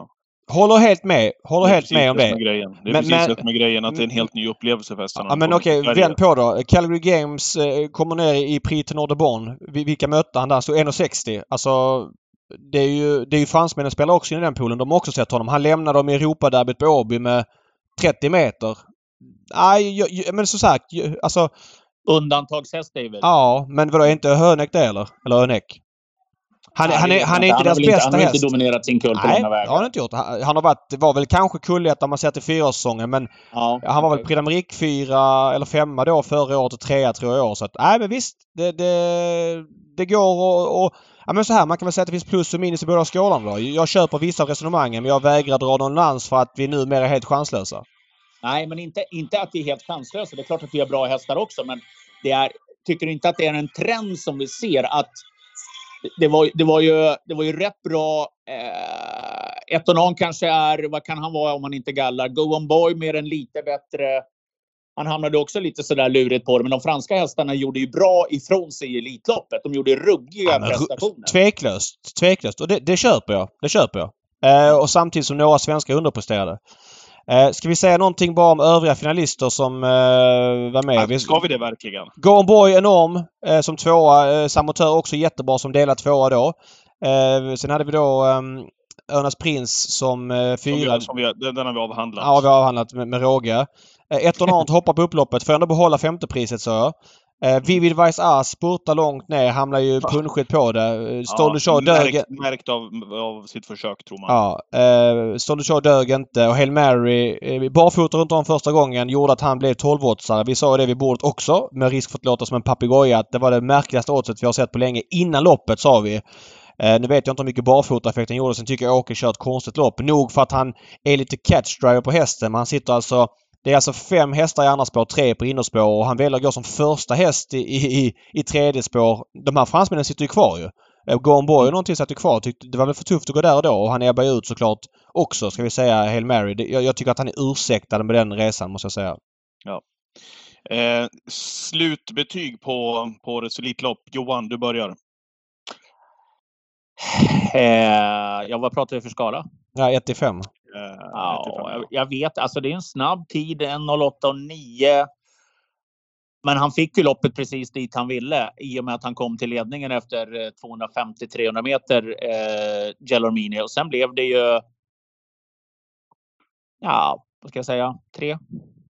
Ja, jag, jag tycker att det är en fyra ändå. Det är många bra hästar som är med. De ettan, tvåan, trean gör ett superlopp. Sen så som Johan säger, Don Fanucci Zet sprang också 8-9 för två år sedan. Då gick han ändå i andra spår och en kurva i tredje spår. Och Pamotör som hade ett försök 2014 sprang också 8-9. Visserligen för ryggledaren så att Ja, jag, han, är- det är en bra upplaga av Elitloppet men det som såg ut att vara något exceptionellt för en månad sedan, så högt levde det inte upp till. Nej. Patrik? Vad säger du Kusse? Eh, nej, men jag, jag är så uppslukad av att vara på plats äntligen igen så att ehm, jag, jag ger den fyra också. Jag tycker att det var jag tycker att eh, det var ett bra Elitlopp. Samotör bjuder till strid mot, eh, mot eh, Örnek som kom till ledningen där. Så att eh, härlig, härlig duell mot dem där. Eller blev ingen duell, men jag tycker ändå att det var en, ett, ett Elitlopp som eh, höll klart bra kvalitet. Så hade, Jo, jo, jo men jag, jag, jag menar också att, att Onek är bra, Samotör är bra, Go On Boy är bra, men själva loppet blev ju en trea för mig. Insatsen är ju 4-4 plus, absolut, men loppet det var ju Ja. dött när han kom till ledningen och Samotör hamnade utvändigt. Eh, ett och några andra ytter och Go On Boy tredje ytter. Det var ju låst. Mm. Det Nej men så är det. Ja. Eh, Men Hönek Ehm. en, en rolig vinnare. Jag gillar honom. Dels Ja. spelade jag honom innan försöket då. Det var ju kanske ungefär samma odds som i finalen så det var inte årets bästa spel. Däremot så kändes ju sju och en halv gång i finalen högt.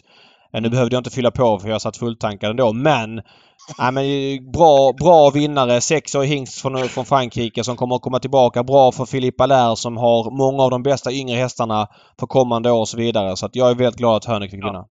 Jag tänkte, alltså om, om med, bra, bra eh, att du tar upp det med Philippe Allaire som är en av de stora och eh, i Frankrike en av de mest framgångsrika. När han kommer hit och matchat bara tidigt såg att Onecker är rätt häst för det här eh, och lyckas vinna. Det är klart som fasiken att han kommer. Han har ju, han har ju otroligt bra hästar alltså. Jag tänker så här att vi ska eh, kika över, vi ska inte ta lopp för lopp, men jag tänker att vi, eh, när vi ändå har eh, tagit hand om och plockat ner Elitloppet 2023, även ska kika till de övriga prestationerna under, under söndagen här. eh, Jag vill inte börja med lördagen så vi tar det Ja, vill du börja kronologiskt. på lördagen? Okej. Ja, vi, vi kan få ta Sweden. Sweden Cup kan vi bunta ihop i, i ett på något vänster. Ja. Vad, ska du börja David? Ja, eh, vi kan väl börja med att summera Sweden Cup. Iceland Falls gör ett enormt försök och hon är väl också ganska sannolik eh, finalvinnare om det inte är så att BPB får ett helstängt huvudlag på sig. Det är väl den absoluta Ja. känslan. Kan vi, inte- kan vi inte stanna till vid henne bara lite grann och hennes utveckling? Sjuårigt sto hos Fredrik Wallin som eh, väl, säger jag, tydligare skulle smyga, smyga, smygas var väl ändå känslan till och med mot stona. För att komma till sin fulla rätt. Går alltså ut och vinner det här loppet från utvändigt om ledaren och ja, men pulveriserar sina eh, konkurrenter. Ensam sto i loppet. Vilken prestation av henne och vilken utveckling. Ja, men alltså ärligt talat, jag trodde att skulle hon duga i den här typen av sällskap eh, för något år sedan, då hade hon fått springa på extra spåret på Solvalla för att, för att Ja. komma till sin rätt. Mm. Eh, ja, men, vilket jobb! Alltså otroligt. Eh, där ser man också lite grann hårdheten på Vincennes, vad den kan göra. Mm. Startade på Vincennes, gjorde det bra under vintern, tvåa, trea vid något tillfälle där, kommer tillbaka till Sverige. Nivåhöjning deluxe. Ja, verkligen. Jag ska säga bara kort första försöket. Du trodde lite på BPB där Patrik men eh, Ja, han är väl inte riktigt den hästen han var. Eh, som han lovade för två år sedan. Han gick nästan 9-1 i dödens på sista sledge. Nej, eh, det känns lite grann så. Nu spelade ju jag, eh, jag spelade ju en tvilling där på mot Invictus Madiba som svarade för en av helgens bästa provstarter tycker jag. Mm. Eh, som du vet. Och eh, ja, men det, det måste jag säga. Jag, jag tror nog inte att Invictus Madiba skulle plocka ner. Nej. Känslan är ju att han är att han, han kommer kunna leverera bra lopp eh, på den här nivån, men att han är lite grann på retur. Han kommer liksom inte axa uppåt eh, och ta ett kliv till som jag länge trodde.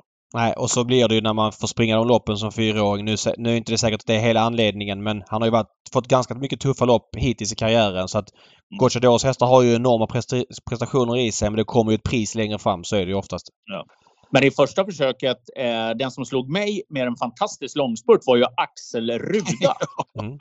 ja. eh, det, det, är också en häst som verkligen har tagit eh, stora kliv. Han har inte varit på min David, men det, det, går ju ändå att, att bli bättre. Ja, uppenbarligen. Mm. någonting om andra försöket. Ben Gurion Jet spurtade bra där. Blev sen eh, final. Eh, favorit. Eh, Iceland Falls var enorm såklart. Tredje försöket. Där trodde jag faktiskt att eh, Unico Broland skulle komma till ledningen men han öppnade ingenting och var dålig för dagen och det visade sig att det blödde ur en hov efteråt. Jag pratade med Sofia Aronsson på, på kongressen och hon ja, han startade nog inte på ett tag även om det inte var någon superfara med honom så var det eh, ont i hovarna typ. Eh, Four Guys Dream för mig oväntat startsnabb med ny balans då men vann det försöket väldigt enkelt och vi spelade faktiskt honom eh, till, till sex gånger. Oväntat startsnabb. Han har visat startsnabbhet ja, hela karriären och det har väl inte Unico Broline gjort? Ja, Unico Broline har ändå visat startsnabbhet eh, tycker jag.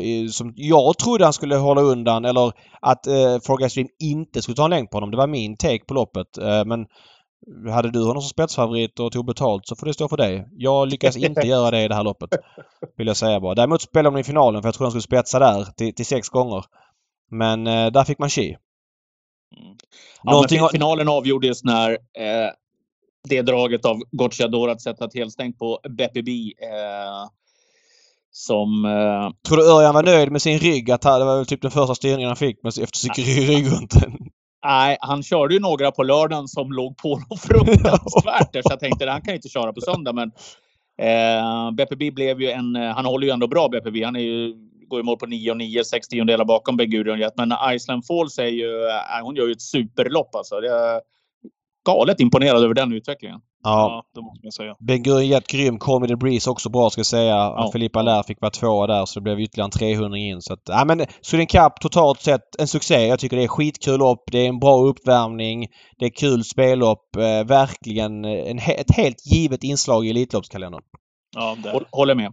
Invictus Madiba ska säga några ord om, om uh, han också. Han uh, var ju jättebra i försöket. Eh, såg ju klart mycket sämre ut tyckte jag när han kom ut i finalen. Eh, strulade precis innan bilen skulle släppa.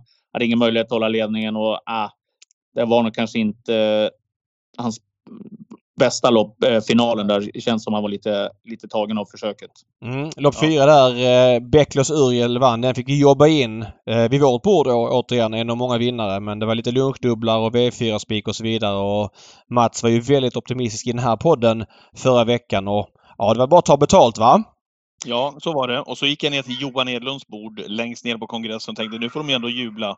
När Johan och Nygga frågar vad spikar ni vid ett bord? Vi spikar Soidi AMG. Jag tror hon vinner från alla positioner. Men då ska det sägas också. Eh, jag trodde inte att hon skulle hamna sist. Hon har satt väl sist väl? Ja. Eh, eller bland de sista i alla fall. Hon tog väl något felsteg precis i, i, starten. Ja. Eh, även om hon eh, hittade rätt stil igen. Men Eh, kan erkänna att jag trodde inte att hon skulle vinna på det där sättet, men att hon skulle plocka ner in i Matra Am som hade vecka-vecka start eh, var jag tämligen övertygad om, vilket vi också eh, sa i twitchen. Men eh, vad säger ni om Soidi AMG? Ja men är inte det här ett lopp som liksom tog två dimensioner? Soidi AMG kanske någon... Alltså jag trodde också de skulle vara bra men det var ju också ett par av de övriga som underpresterade. Som du sa, i Matrahamn förmodligen märkt av eh, vecka-vecka-starter och Sister Sledge som har... Där har ju jag ju känt att hon har varit på retur ett tag. Men Redén har verkligen varit confident med att ah, men hon kommer nästa år och så vidare. Och man har ju 100% respekt för Redén men hon har inte sett som bäst ut i år. Hon var ju visserligen okej okay i senast men, men årsdebuten var ju rent utav bedrövlig. Och nu med den här insatsen så valde man då att gå till avel så att ja, samtidigt som de två andra betrodda agerade lite sämre så blir ju segern lite lättare. Men när hon vinner på 10-2 det hade liksom räckt till ett eh, sjunde pris i fyraårsliten för stor, typ. Så att, Tyckte du, eh, tror att det var utsålt? Nej, det var det säkert inte. Absolut nej, inte. Nej, nej, nej det var det inte. Där noterar man också att den där eh, Dion Tesselars häst Ritz Has, Rit Hasselar gick ruggigt bra efter strul innan Verkligen. start.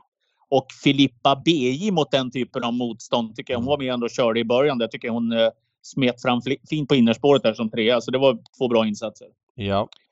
Ulf Olsson vann med Kit Crown i, ett, eh, diamantsto, i diamantstofinalen. Ja, kom till ledningen eh, i ett senare skede av loppet. Sen hände det väl typ ingenting. Känslan var att hon Var, vi var lite oroliga för Giuseppe Lubrano med Pemtrottar. Ja, säga. Han träffade ruskigt bra från springspår ska sägas. Ja, uh, så att uh, här kunde vi också ta betalt. Du, du observerade tidigt att Rubin provstartade dåligt och då kunde man spela head to head emot Rubin. Så det blev ganska bra för oss där också. Med, med just Pam Trott ska sägas.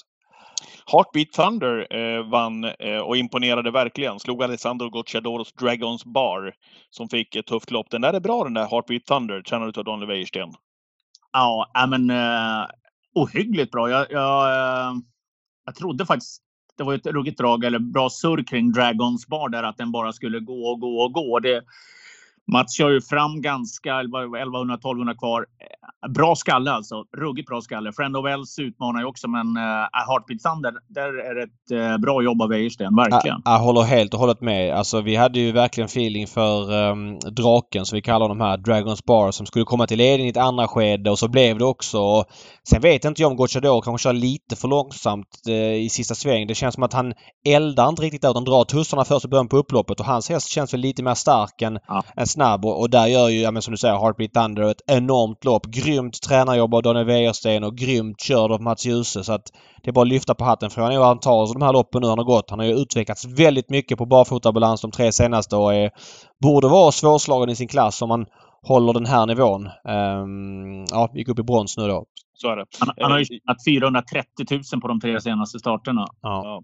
Johan nämnde tidigt i, i det här avsnittet av podden Smile Silvio eh, som vann tillsammans med Peter Untersteiner. Mm. Det var ju den, får vi ändå säga David, som du framhöll mest som den bästa spiken under hela dagen. Mm, vi spikade den på Twitch-sändningen och ah, det var ju ett lopp som var relativt öppet med många intressanta streck men jag hade känslan att, eh, jag tycker just Peter är jättebra på att köra i jänkarvagnen. Nu körde han inte som han brukar göra för hästen var lite tassigt i slut så han låg ju aldrig ner i vagnen som han gör när han är som bäst. Kom inte galoppen kort efter mål också? Jo, jo. Ja, verkligen. Det var jättesnyggt kört av Peter. Hästen gjorde ett bra lopp och var trött såklart men, men var ju också väldigt bra. Så att, nej, jag, jag var jättenöjd med att han fick vinna men det är klart att det var på nålar. Här, här blev det ju, det här loppet blev ju jäkligt märkligt eftersom Oligark Toma eh, visade upp sig från sin sämsta sida, vilket han har gjort tidigare också. Bara totalt skenade. Och här måste jag sätta ett visst frågetecken för Gelorminis insats bakom Working Class Zero som är tvåa. Och sen försöker han jaga i kapp ut på första långsidan. Försöker han jaga i kapp Oligark Toma som bara rusar. Jag fattar inte vad han gjorde. Sen när Oligark Toma tröttnar 700 kvar, då sitter han kvar där bakom. Han har inte vunnit ändå. Men Smile Silvers insats eh, med de där ändringarna blev ju jättebra. För han drar ju fram Mellby Imperial hela loppet. Mm. Men eh, håller undan, även om det var tassigt, ruggigt tassigt till slut. En bra kuskinsats faktiskt av, eh, av Pu att lösa det hela. Mm. Eh, nästa lopp gick till eh, Megalampan på V75 Nej, under lördagen. Nu kry... Jaha, förlåt. Jag, jag tror det var ett lopp senare. Tänkte det. Jag tror du menar Reed Lavec, Megalampan. Jag blir helt hostad till här. Ja, jag förstår. Mm. Håller du med när jag säger Castro di Star? Ja, ja, då är jag helt med. Då är jag helt med. Eh, och det var det, det bästa hästen vann och det var Ja, det var svårt. Vi, vi, vi provade fälla honom naturligtvis mot, eh, mot de där procenten som han var spelad på i, i lördags. Men han var ju ensam på plan faktiskt. Vilken alltså, utveckling det har varit i honom. Allt kan ju hända i travlopp och det är klart att han skulle kunna galoppera och det skulle kunna bli första spår eller fjärde spår i den första sväng eh, för att de tre invändiga var snabba men det var liksom inget snack om saken och han vann ju extremt enkelt och motsvarade de höga förväntningarna. Punkt slut. Ja. ja, men så det här är ju. Nej, men det är ju en bra häst det här. Sen är det lite svårt. Det här blev ju inget lopp egentligen. Han vann ju snabb tid och såg fin ut och inga ryckta grejer eller någonting så att. Kraftig eh, utveckling som man säger. Ja, enorm. Han hade lite stökigt som tre och fyra år med lite skador och lite problem och så där. Men eh, han är ju kvar i silver va? Fortsatt. Ja, ja, det här var ju en bronsfinal ju. Alltså han ja. har ju kvalat in till den här finalen för länge sedan ju så att han är ju kvar i silver. Ja, precis. Eh, eller ny silver ska vi säga. Ja, eller, ja. Han kvalade väl in i Norge va, tror jag, eller något sånt där. Mm, precis, precis. Veckan eh, innan förra finalen. Eh, så att han... Eh, han har ju en spännande framtid. Eh, skulle kunna tänka mig att jubileumspokalen är ett, ett lopp som det siktas på. Mm. Så är det. Ridley Lavec vann silverdivisionen. Eh, Oskar J Andersson eh, motsvarade eh, de som trodde på eh, honom, förväntningarna där. Eh, var det kongressens mest utskällda stackars vinnare som ändå vinner och, och håller undan? Ja, men jag tycker ändå kongressen gör helt rätt som skäller ut honom. Eh, man eh, ser honom som överspelad. Han var helt iskall i Finland senast. Oskar sa att han var osäker på formen. Jag menar det är klart att även en häst som inte har toppform kan vinna och det bevisar Reed Lavec. Han kom till ledningen, fick bestämma fullständigt och blir liksom som Johan sa inknuffad av eh, Karat River. Han vann alltså på 12 och 1 och känslan är att det var eh, slutsålt i honom att jämföra med Smile Silvio som alltså vann lägsta klassen på 11 och 2. Eh, alla andra klassvinnare var alltså snabbare än silverdivisionsvinnaren eh, Reed Lavec. Det säger ju ganska mycket. Eh, Eric de Ilik samma tid och han sprang ändå tre varv. Så att inget ont om Oskar Andersson och Nej, eh, Reed Lavec. Jag tänkte just säga det. Om nu Oskar var osäker på formen så är det starkt att bibehålla den så gott det går i alla fall. Om man nu känner att kanske formen inte är på topp. Att ändå, få, att ändå gå ut och vinna silverfinalen på, på Valla. Eh, att ändå han är trots allt först i mål. Så att det, är, det, det är starkt gjort att liksom ändå bibehålla det där på något vis. Ja men han ska inte be, hålla uppe nivån. ska ju inte be om ursäkt men vi måste spela vilka vi vill också. Och då blir det en sån det. effekt att man rankade ner honom som en av favoriterna i loppet. Inga konstigheter alls. Man fick bara svälja honom och V7 var ju lite dött ändå efter Castro Star så jag eh, det var inte så att jag liksom hade svårt att somna på kvällen för att Reed Lavec hade vunnit. Nej, men loppet blir ju också... Det, jag vet inte om övriga kuskar är lite dåligt pålästa eller inte har häst tillräckligt för att dåliga rapporter eller dålig insats i Finland, tveksamma rapporter som du säger. Ledningen och han får köra. Det var inget tempo överhuvudtaget. Men, men var det inte Karat River som skulle göra jobbet i så fall? Nu blev han ju fast, eller han blev inte fast i säcken. Han valde ju att sitta kvar. Han kunde ju gått ut efter 400-500 meter och sådär men det var ju ingen som gjorde någonting och Ja, det var väl i princip han som skulle göra det. Jag fick höra på backen efteråt av folk som hade pratat med Johan att Johan trodde han skulle vinna från döden. Så det tror jag också att han har haft toppchans att göra. Men nu valde han att sitta kvar och eh, ja, det blev uppenbarligen kanske då fel den här gången. Nu fick han mycket krafter kvar å andra sidan som man kan ha nytta av framöver. Men blev å andra sidan bara tre också. Mm.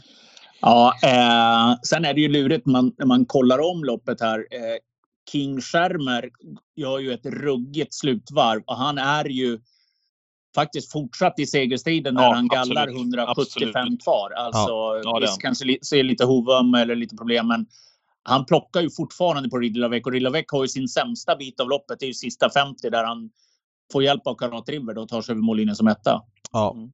Ja så är det. Ehm, så är det. Eh, Kentucky River svarade för ett kanonlopp när vi vände vidare till Harper Hanovers lopp. Slutade tvåa tillsammans med Per Nordström. Ehm, vad säger ni om vi börjar? nu har vi landat på Per Nordström här. Eh, vad, vad, vad säger du om Kentucky Rivers prestation till att börja med? Ja, men, eh, otroligt bra. Han kommer bra iväg från start. Eh, förstår ju att eh, Magnus Tejen Gundersen ska köra ledningen med Imperaturam när den har kommit dit. Eh, sen är det ju lite lurigt också Per Nordström. Vad ska han göra? Han kan ju, li, liksom Björn Goop i Elitloppet. Han kan ju inte pressa på för mycket för då bjuder han ännu mer in de, de som står tillägg eller bakom honom. Och kör han inte tillräckligt fort då håller ju Imperatör Am undan. Så att Jättebra insats av Kentucky River. Alltså han går 12 och 6 och går i dödens hela loppet. Ja, det är helt brutal insats. Jag vet inte om det här kanske är lördagens bästa insats. Ja, det, skulle, ja, det är jämnt ske kanske har Islands Falls i försöket och, och den här Heartbeat Thunder. De är många där uppe men det här är en av dem. Nu gick det ju långsamt Eller till slut. I AMG kanske. Ja, kanske det. Nej, det skulle jag inte säga ändå. Men, men här är det ju... Det är väl en kombination. Dels att han är otroligt bra. Sen går det ju väldigt långsamt till slut och det är ju egentligen bara Eric de Il som plockar av de som får ett bättre lopp. Övriga är ju möra av det hårda tempot. Alltså speeden hade dragits ur dem. Så att eh, femstjärnig prestation av Kentucky River. Eric Deal också bra men fick ett bättre lopp. Sen var det väl ett par av övriga som kändes kanske lite bleka. Av dem där bak ett par de franska hästarna vet jag inte. Någon galopperade över mål och, och, och sådär. Så att, eh, ja. Ytterligare en häst kanske då Erik de Hill som har gynnats av att ha en hård vinter på Vincennes om man får säga så. Eh, ja men i varje fall härdats av loppen. Ja, Ja, ver- verkligen. ja. Eh, jag tycker Imperatör Am gör ett topplopp också med sin ringa rutin. Han är lite knackig i stilen. Känns som att han ska kunna galoppera när som helst egentligen. Eh, springer lite snett sista biten, men han är ju en, det är ju en toppindivid om han kunde hålla ihop och ha fyra fräscha ben. Jag tycker Power Mm. också är på rätt väg. Han strulade i början, tappade ganska mycket från fjärde spår.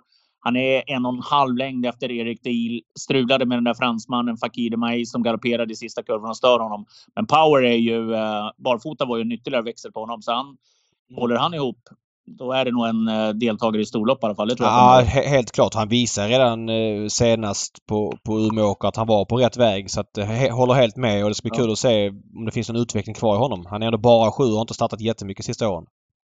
Thomas Almqvist alltså tränarvinnaren av Harper Hanovers lopp 2023. Eric the Eel kommer strax till Thomas Malmqvist, tänker jag, när vi ska vända till söndagen väl. Eller hade vi något mer på lördagen? David? Ja, men Milan Bocco som vi också ligade vid vårt bord. Det var många andra som ah. ligade den på Valla också, men ah. där tog man betalt. Eller kanske inte du, förlåt. Nej. Du hamnade i ja, gul, pilotfacket. Det var väl en uträknad vinnare, Milan Boko. Det var en av, en av vinnarna vid vårat bord faktiskt också. Ja. Eh, Danao Degley travade ju inte sprang och slog ihop, var nära att galoppera hela tiden. Eh, en som gick ruggigt bra faktiskt, eh, det såg väl alla, det var ju Starro McCrow. Eh, känns som den har höjt sig ett par lite grann lite, eh, hos Katja Melko faktiskt. Den och kommer även, vinna rätt många lopp framöver tror jag. Och även trean Laxvikens Amiral såg ju segerfarlig ut i ingången av sista sväng. Måste säga det också om Gocciadoros häst här. Alltså, det är ju en av dem som han har haft högst förväntningar på som klassklättrare. Det visade han ju första starten att han var ju enorm men det är faktiskt en ganska dålig styrning han står för Gocciadoro här. Liksom. Ja. Att inte liksom låta... Alltså han gör det ju ganska bra med Dragons Barn. Han låter dem formera sig. Sen kör han när alla fått position. Men här ska han liksom ut i tredje direkt istället för att lägga sig i andra spår och låta folk ja, eller hästar han, framför han, försvinna och sen han, köra. Han fjärde bara. Ja men det var helt liksom som att han trodde att han... Nu var ju hästen säkert sämre än tidigare och allt det där ju men det är ju onödig styrning måste man ju få säga ändå liksom från, ja. från spår 12. Ja. Vi vänder till, till söndagen tycker jag. Mm. Eh, och där har vi pratat då försöken eh, av Elitloppet. Eh, vart vill ni börja någonstans där då? Ja men med eh, helgens snyggaste vinnare signerad P Skoglund. Tack så mycket David. Den, eh, den satt bra. Den gjorde helgen så att säga. Nej, det, det var inte bara den. Nej, det, det, men den, den, kanske i alla fall gjorde söndagen när man kommer dit. Det, bättre start kan man väl inte få va? Ja, men vi ska säga det att vi, vi körde ju, vi vi gick all in på liret den här helgen och det är ju en ganska bra tid man lever i som travspelare. Om man, om man pallar engagera sig så finns det ju många bolag. Nu väljer vi ju att i den här podden mest prata om ATG för att vi har gäster som kör med ATGs pengar. Nu kommer spelmarknaden för, förändras lite grann. Vi vet att både Svenska Spel och Unibet har licens som är Svensk Travsport. Det är lite oklart hur mycket av överskottet som går dit. Det finns några andra bolag som erbjuder odds. Det vet liksom alla om. Men att sitta med alla sajters odds en sån här helg. De kör odds på alla lopp. Det är jäkligt stor skillnad mellan att klippa högsta oddset på, på en häst man gillar och, och klippa ett, ett, vanligt odds. Ett exempel på det var ju här då du säger Kondior vinner inte den speedrace så börjar jag kolla direkt. Pang! Unibet 21 gånger. Att jämföra då med 10 gånger som den gav på ATG och det är klart att för spelar inte 21 gånger det är en annan sak än, än 10 gånger. Nu var ju 10 gånger helt sjukt odds. Kör man om det här speedracet så kan man stå i 1,80 är känslan liksom. Men, men nu är det lätt att spela efter loppen. Nu spelar vi innan och det var ruskigt snyggt och han vann ju mycket, mycket enkelt. Mm. Ja, det, kan man, det, var, det var en bra vinnare, Klusse. Det, det får jag ge den då. Mm. Eh, jag pratade lite med Jörgen Westholm i veckan här efter eh, den där segern. Han sa jag visste att han var startsnabb. Men jag trodde inte att han var så otroligt startsnabb. Eh, men han, han, fick ju också bästa eh, hjälp av Björn Goop. Som är en, han är ju, när han är påställd och ska ladda från början, då är han ju otroligt vass alltså. Jag, jag är inte säker, men röck han tussarna bakom bilen i, i speedrace-finalen. Ja, så mycket, kan det mycket väl ha varit. Ja, jag tror det. Kan det mycket väl ha varit. Mm. Uh, ja, det var skönt. Bra start. Kondior där alltså. Ja, bra, uh, bra fortsättning får vi säga då i lopp två med Ready Tonight. Ytterligare en sån häst som vi klippte kort innan start till ett på ett av nätbolagen till tre gånger och gav 2,20 på toton. Han spurtar ju enormt bra i årsdebuten för uh, Örjan på um, Sundbyholm som tvåa bakom Filippa Ibi. Vi såg dagen innan hur bra hon är och Örjan tycker att den här häst som är väldigt bra för klassen. Nu blev det lite tursamt då när värsta motbudet eh, Roll Control galopperade men känslan är att Ready Tonight hade vunnit det här loppet hur den hade körts. Ja, men det här är ju en... Uh, han har ju haft framgångar tidigare på V75 men det här är ju en... Här är ju en lördagshäst i allra högsta grad alltså. Mm. Eh, Vaprio, eh, tränad utav eh, Alessandro Gocciadoro, vann eh, Monté-eliten tillsammans med Mathieu Motier. Eh, 600 meter från mål och säger du till mig David, kolla på ryggledaren, det ser ut som en bomb. Ja, men, men det här är ju... Monteliten är ju... jättekul att det kommer några bra fransmän till Monteliten men om, om ni tycker att det är fördel Frankrike i Elitloppet så är det klassblandning i Monteliten år ut och år in. Det är väl jättekul att vi ger bort de här eh, pengarna till franska hästar att de kommer. Jag är glad för det men, men det är ju olika divisioner vi spelar i när det gäller Monté. Ja, ja men så är det Det är ju det är bara att titta resultatlistan hur det blev. Dallas är väl bästa svenskfödda häst. Va? Den Ja, är 6 ja. 13 och den är slagen med 2,6 sekunder av eh, Vapri och det- Dimodo Khan och de övriga. Så det, är ju, ja, det går Ja. inte att jämföra. Eh, loppet därpå, eh, treåringseliten för ston.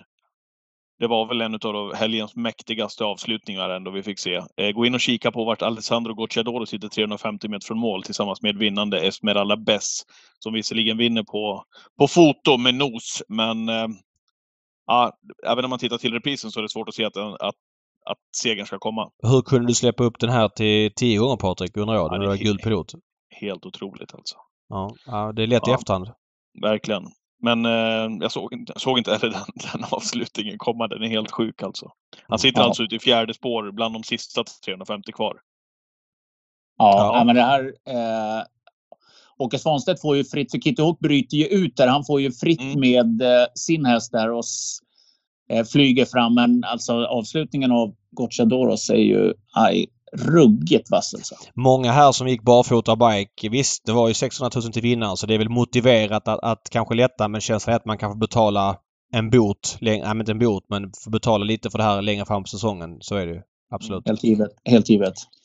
Jim Fricks lopp, Elitkampen, segern till Finland. Det blev inte Parvelan Reto som många trodde. Det blev istället eh, Evarti tillsammans med Santo Raitala. Mm. Ja, Parvelan Reto är ju knepig att resa med. Eh, vad jag förstår nu hade man väl eh, gjort det bästa man kunde, kom i god tid, hade med sig någon ponny och det var hagar och hitten och ditten. Men han är ju, han är ju strulig alltså. Han galopperar rätt omotiverat när han ska försöka avancera. Eh, sen går han ju bra efter galoppen, men det är, ju- han kan ju inte plocka in hur många meter som helst på Ivarti. De är ändå hyggligt jämna i Finland. Men kul med en finländsk seger. Jag tycker Tangenborg i första riktiga nappataget mot eliten gör det suveränt bra. Han är så jäkla startsnabb. Svenska hästarna, Stjärnblomster har väl inte riktigt den form som hon hade förra året. BV Rune. Nej. Och att de ska rå på de här hingstarna heller, det, kan, det är väl inte att begära heller. Eh, Stjärnblomster kanske. En häst som hade rubbet kvar faktiskt, som oplacerad. Järvsö-Odin. Mm. Satt bra till. Han satt väl kvar i, var det andra ytter eller någonting? Va? Han satt kvar. Ja, och, han satt kvar. Ja, precis. Men, men det är Ja, ju kul måste jag säga för hela viben med finsk seger. Det kändes som att de var väldigt glada finländarna och det, det sjöngs nationalsånger och det skreks och tjoades och tjimmas. Det var ju, ja, det snackas mycket om Finska viken och det är väl ett minne blott när Elitloppet. Det var väl kanske aldrig en finsk vik. Jag vet inte om ni kommer ihåg det 2013 i Elitloppet när Marika Eriksson från TV4-sporten hon fick en finsk tröja av mig som, som då var producent på den tiden. Så du ska bevaka Finska viken liksom. Så hade hon en finsk landslagströja och så när hon kom tillbaka och skulle summera dagen. Jag såg inte en enda finne sa hon. så att eh, eh, det var väl lite av en myt. Men, men eh, finländarna var på plats den här helgen. Det är en sak som är säker. Ja, Mm.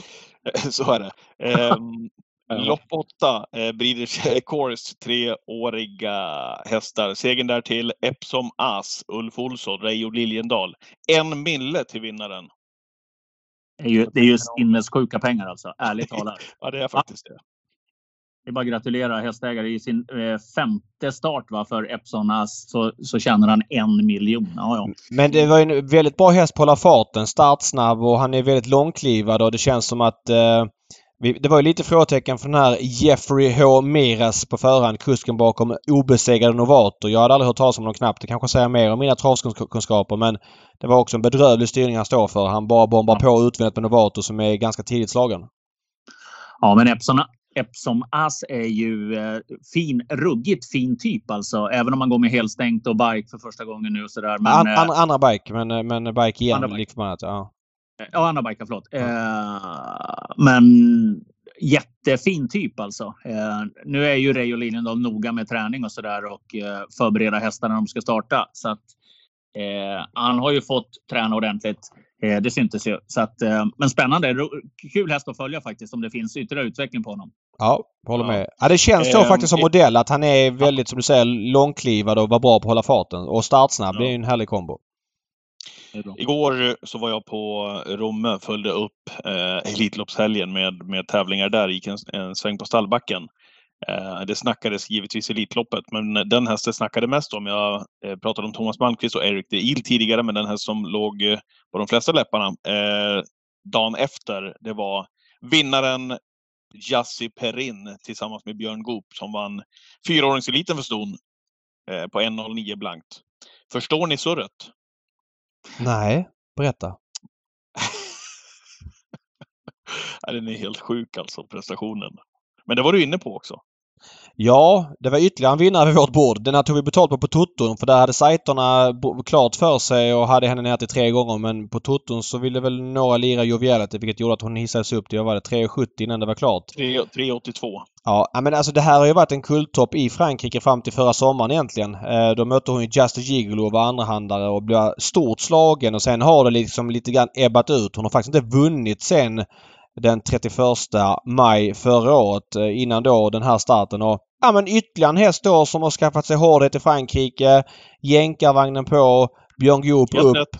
Uh, ja, men hon, alltså det, hon springer nio blankt. Alltså sätt det i ett perspektiv. Det är ju ingen fyraåring. Alltså löpningsrekordet uh, rök ju all världens väg. Uh, det går ju att jämföra med Sister Sledge som vann som stod fyraårseliten för hingstar, alltså den öppna klassen för två år sedan på 9-1 och före BPB. Men bland stona har ingen varit i närheten av det här tidigare och det här är ja, kanske hela helgens mest eh, ögonfallande prestation. Ja, eh, men ja, jag, jag, jag köper ditt snack David där om att få, eh, jag, jag tror det. Alltså, hårdheten, komma till 1000 meters bana, eh, det är mycket lättsammare eh, mm. tror jag för hästarna som blir lite trötta. Hon var ju tidig, var bra. Eh, men det är en makalös prestation alltså. Hon, eh, Joviality gör det väl... Jättebra. Ja, ja. det är hon ju. Och, och är alltså hon, totalt hon, chanslös. Hon motsvarar verkligen det man, det man kan ja, förvänta sig. Ja, ja. Hon har slagit med fem längder på 9 och 7 efter att ha gått i tredje spår en bra bit. Eh, jag tycker Unleash Camp följer med bra, men alltså det är ju Jesse Perin fram och baklänges. Så du var inne på det lite Kösse, Thomas Malmqvist. För mig tidigare tillbaka i, i, tiden har Thomas Malmqvist varit en tränare som är duktig på att ta fram tvååringar som är med i uppföljningslöpningen, vinner ett par lopp. Svampen och de här andra Breeders Crown för tvååringar och så där. Sen tar det slut, det blir inget mer. Men någonting har ju hänt med Thomas Malmqvist de senaste åren. Eh, visst kanske bättre hästar, varit i Frankrike och så där, men det är ju en nivåhöjning som är brutal. Ja, ja, det är inget snack om saken. Och eh, han, alltså det är ju samarbetet med den här Hunter Valley som han pratade om när han var gäst i, i den här podden och han har pratat om det på, på många ställen som är liksom en del av nivåhöjningen. Men, men det är på ett helt annat sätt än tidigare. Jag håller med Johan som du säger. Han, han köpte ganska enkelt stammade hästar länge som han fick liksom en tidig start på. De tjänade ganska mycket pengar som två och treåringar. Sen tog det fullständigt slut. Mer eller mindre. Nu liksom ja, men det är hästar som Calle Crown som man trodde var helt färdig för något år sedan har kommit tillbaka och så vidare. Så att, eh, ja men det är en enorm nivåhöjning och det är inte bara i Frankrike de går utan bevisligen då i Sverige också. Så att, ja, det är verkligen remarkabelt, det måste man säga. Ja. Eh, Daniel Redén fick lite plåster på såren efter Hail Mary och eh, Don Fanucci sett i Elitloppet när hans eh, topptravare Double Deceiver fick vinna eh, fyraåringseliten efter ett ja, Eh, man kan väl säga att det var bästa hästen som vann, för det var inte, det var inte någon Kihlström-resa som serverades, Double Deceiver. Nej, eh, tuff inledning. Eh, jobbig väg fram i dödens. Han är väl inte i dödens förrän eh, är det varvet från mål ungefär, va? Ja. Eh, och de första fem gått efter åtta och åtta och det är en ganska bra häst som leder i Joe Cash. Eh, det är skönt svar ändå från Örjan när han rycker propparna där, alltså att han eh, den där lilla hästen biter i. Alltså det är jäkligt vass insats alltså. Och visst var det så i början på upploppet. Det känns som han bröt lite så Örjan fick korrigera honom. kunde inte köra på honom i början utan det var först efter ja, men kanske 30-40 meter in på upploppet som man kunde köra på honom ordentligt. Då såg man att han skulle suga tag i grejerna. Men ändå, för att sätta det i perspektiv. Nu visst, nu gick han tredje spår fram i dödens och sådär. Men ändå en sekund långsammare än Jassi Perin. Ja. ja men Jassi Perin är ju, återkommer till det igen, det är ju en av helgens absolut bästa prestationer. Det är... Eh, och, ja, men om man jämför med det här, så ska man, det är lite svårt att kanske jämföra lopp så, men eh, otroligt bra. En som spurtade bra i det här loppet också, Bo Westergårds häst, BA Superhero på innerspår, flög fram. Är loppet 10 meter längre, då har vi en eh, dansk vinnare. Visst är det så att det är den som är klar för Oslo Grand Prix?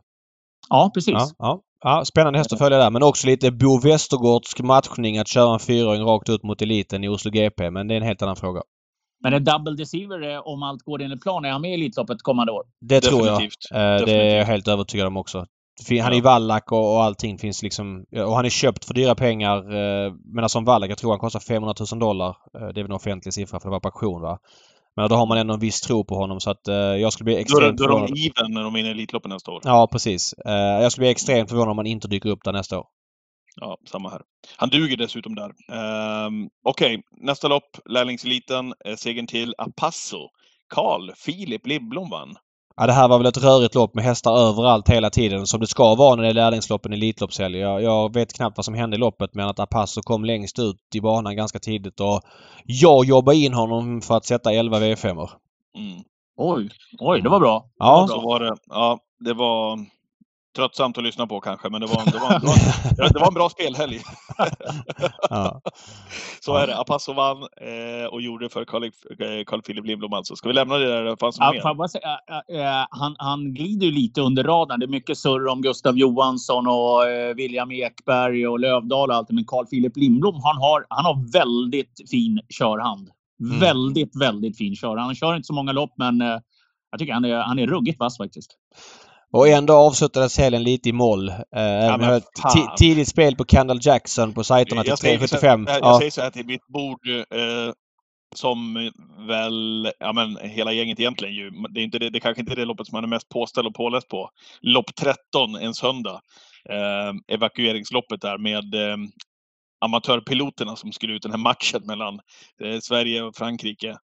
Eh, och så säger jag till mitt bord eh, där, du sitter David och säger jag tror han klarar lopp 13. Ja, vil- vilken då? Sune Hansen och Fetter Tir, sju gånger pengarna. Eh, det jobbades hårt uppe på kongressen i lopp 13. Men han satt på piskan. Vad hände? Den fastnade. Ah, helt otroligt. Jag skickade ett sms igår, pratade med Sune på Romme, fick en bild från Sune där pisken då alltså fastnar under jorden. Eh, och har då har han tagit en bild då från lopparkivet när den sitter hermetiskt fast. Fastnade tidigt på upploppet. Där rök klaringen till sju gånger pengarna, David Fetter Tir. Ja. Istället var det Ingrid Metzemakers, tror hon heter, som på något jäkla märkligt vis lyckades vinna det där loppet med all flyt man kan ha i världen, tror jag. Ja, det, är fyra, det är fyra hästar i bredd när mållinjen passeras. Eh, eh, du förstår att det var surt. Eh, 7 och 16 på Fetter Tir, va? Mm. Ja, Det hade varit verkligen. en fin avslutning på något vis, men, eh, men vi är nöjda ändå. Nöjd ändå. Eh, ja, men jag tycker att det har varit en grym Elitloppshelg på, på, på det stora hela. Liksom. Eh, Känslan är att många har varit väldigt nöjda. Eh, det är lite så här också, man får ju väldigt energi av sån här helg. Man blir sugen på travet på ett annat sätt. Man blir, jag har varit liksom så här, "Aj, jag pallar inte åka på några travresor i sommar. Men helt plötsligt känner jag att jag vill åka på flera travresor för att visst, det är ju tacksamma när det går bra på spelet och sådär men det har varit väldigt roligt och Nej, jag, jag tycker att mycket görs väldigt bra. Jag tycker det känns som att eh, lite tveksamheter finns ju såklart och det finns detaljer. Men jag tycker mycket känns som att det är på väg åt rätt håll. Man har liksom hittat sin nisch. En grej som jag dock inte tycker funkar det är att Elitloppets final ligger mitt i dagens dubbel. Jag tycker inte det är optimalt. Jag tycker att... Jag vet att man inte vill att kuskarna som kör Elitloppet ska köra fler lopp men jag vet inte, är det så farligt? Det gör man ju i flera andra storlopp. Typ Prix d'Amérique. Då kör kuskarna efteråt. Och ett lopp kan man väl köra efter Elitloppets final och ska man ha då lärlingseliten på dubben efteråt och kanske då fyraårseliten. Eh, och sen då det här ev- evakueringsloppet. Det tror jag hade gjort en bättre harmoni och dessutom skulle det öka omsättningen för att det är ju 10 miljoner som är inlåsta på dagens dubbel som folk inte kan återinvestera i vinnarplats, trio, tvilling till Elitloppets final. Den förändringen tror jag hade varit ett lyft eh, ja, men för dramaturgin. Ja, men du, du eh, har nog en poäng där. Det, det är nog något som man bör eh, åtminstone ta och beakta och fundera kring. Det, det tycker jag. Men jag, jag köper också ditt resonemang att det var ja, men positiv, positiva vibbar. Eh, sen är ju det ekonomiska läget eh, lite bistert för många. Det är ju inte gratis att gå på Solvalla under Elitloppshelgen. Det kostar eh, att gå in. Det kostar att köpa saker. Ibland kan jag ju tycka när jag ser prislistan att det är hutlöst dyra grejer. Eh, men jag tror ändå att folk, de jag stötte på, det var ju långt ifrån alla, 19 000 där på söndagen och 16 000 på lördagen. Men känslan var att många hade ja, men jäkligt roligt. Ja, Mm. så är det. Eh, Men, och, och ska inte recensera Solvalla för mycket här men det- där med prissättningen det är ju också ett, ett världsklassevent tycker jag på många sätt och vis. Eh, Så jag har inga problem alls med prissättningen den här helgen. Däremot så är ju diskrepansen för liten eller skillnaden för liten mot en vanlig tävlingsdag. Den är ju ganska snarlik prissättningen på mycket. Såklart inte i kongressen och där. För där kan man ta betalt för att intresset är så pass stort. Men jag menar skillnaden på en öl är inte så stor. Jag vet inte om det är någon skillnad den här dagen mot en mindre dag. Det är ju det som är i så fall problemet på, på lång sikt. Att, att banorna generellt sett har eh, den prissättningen där då. Inte på Elitloppshelgen när det liksom är det eventet är med allt vad man drar dit. Nej, men jag, jag, jag, jag, kan generellt tycka, visst Elitloppet det, det, är ju någonting alldeles extra. Det finns ju inget annat liknande i Travsverige. Men det problem många banor gör när de har V75 då är det helt plötsligt här, ja men nu, nu ja, ska ja, det få hej. kosta. Ja. Du får en torr köttbit, en liten räkcocktail eller något annat trams. Vi tar, ja, vi tar 795 för den här trerättersmiddagen. Okej. Okay. Ja, men vad fan, potatismosen är ju helt död. Inte ens tomaten som ni har grillat lever när jag ruskar om den. Den är helt jävla död. Ja, nej men så är det och eh, hoppas att vi får se en eh, förbättring där generellt. Det här gäller alltså inte Elitloppshelgen utan det här eventet kan man ta betalt på. Framförallt då i kongressen då det är fullt ja, men väldigt kort tid efter biljettsläpp på flera andra restauranger. Jag menar, är marknaden så att folk vill betala, då är det bara att ta betalt. Så enkelt är ja, men, det. Ja, men så är det. Marknaden ja. styr ju. Det ja. Finns det ett intresse, det, det, är klart att så länge... Hade det inte varit någon som hade betalat över 2000 kronor för att komma till kongressen eh, där var det halvbesatt, då hade Solvalla fått tänka om. Okej, vi får kanske ta 1200 eller 1500 eller 1000 mm. kronor. Mm. Eh, så är det ju. Det är ju eh, så är det ju alltid. Så är det. Eh, vi, vad, vad härligt eh, att ha med dig Johan i... i, i ah, fan vilken insats Johan! Vilken energi ja, alltså! En och en halv ja. timme har du kört på men du hängde inte i käken en enda gång. Mycket, mycket vass måste jag säga. Knivskarpa analyser.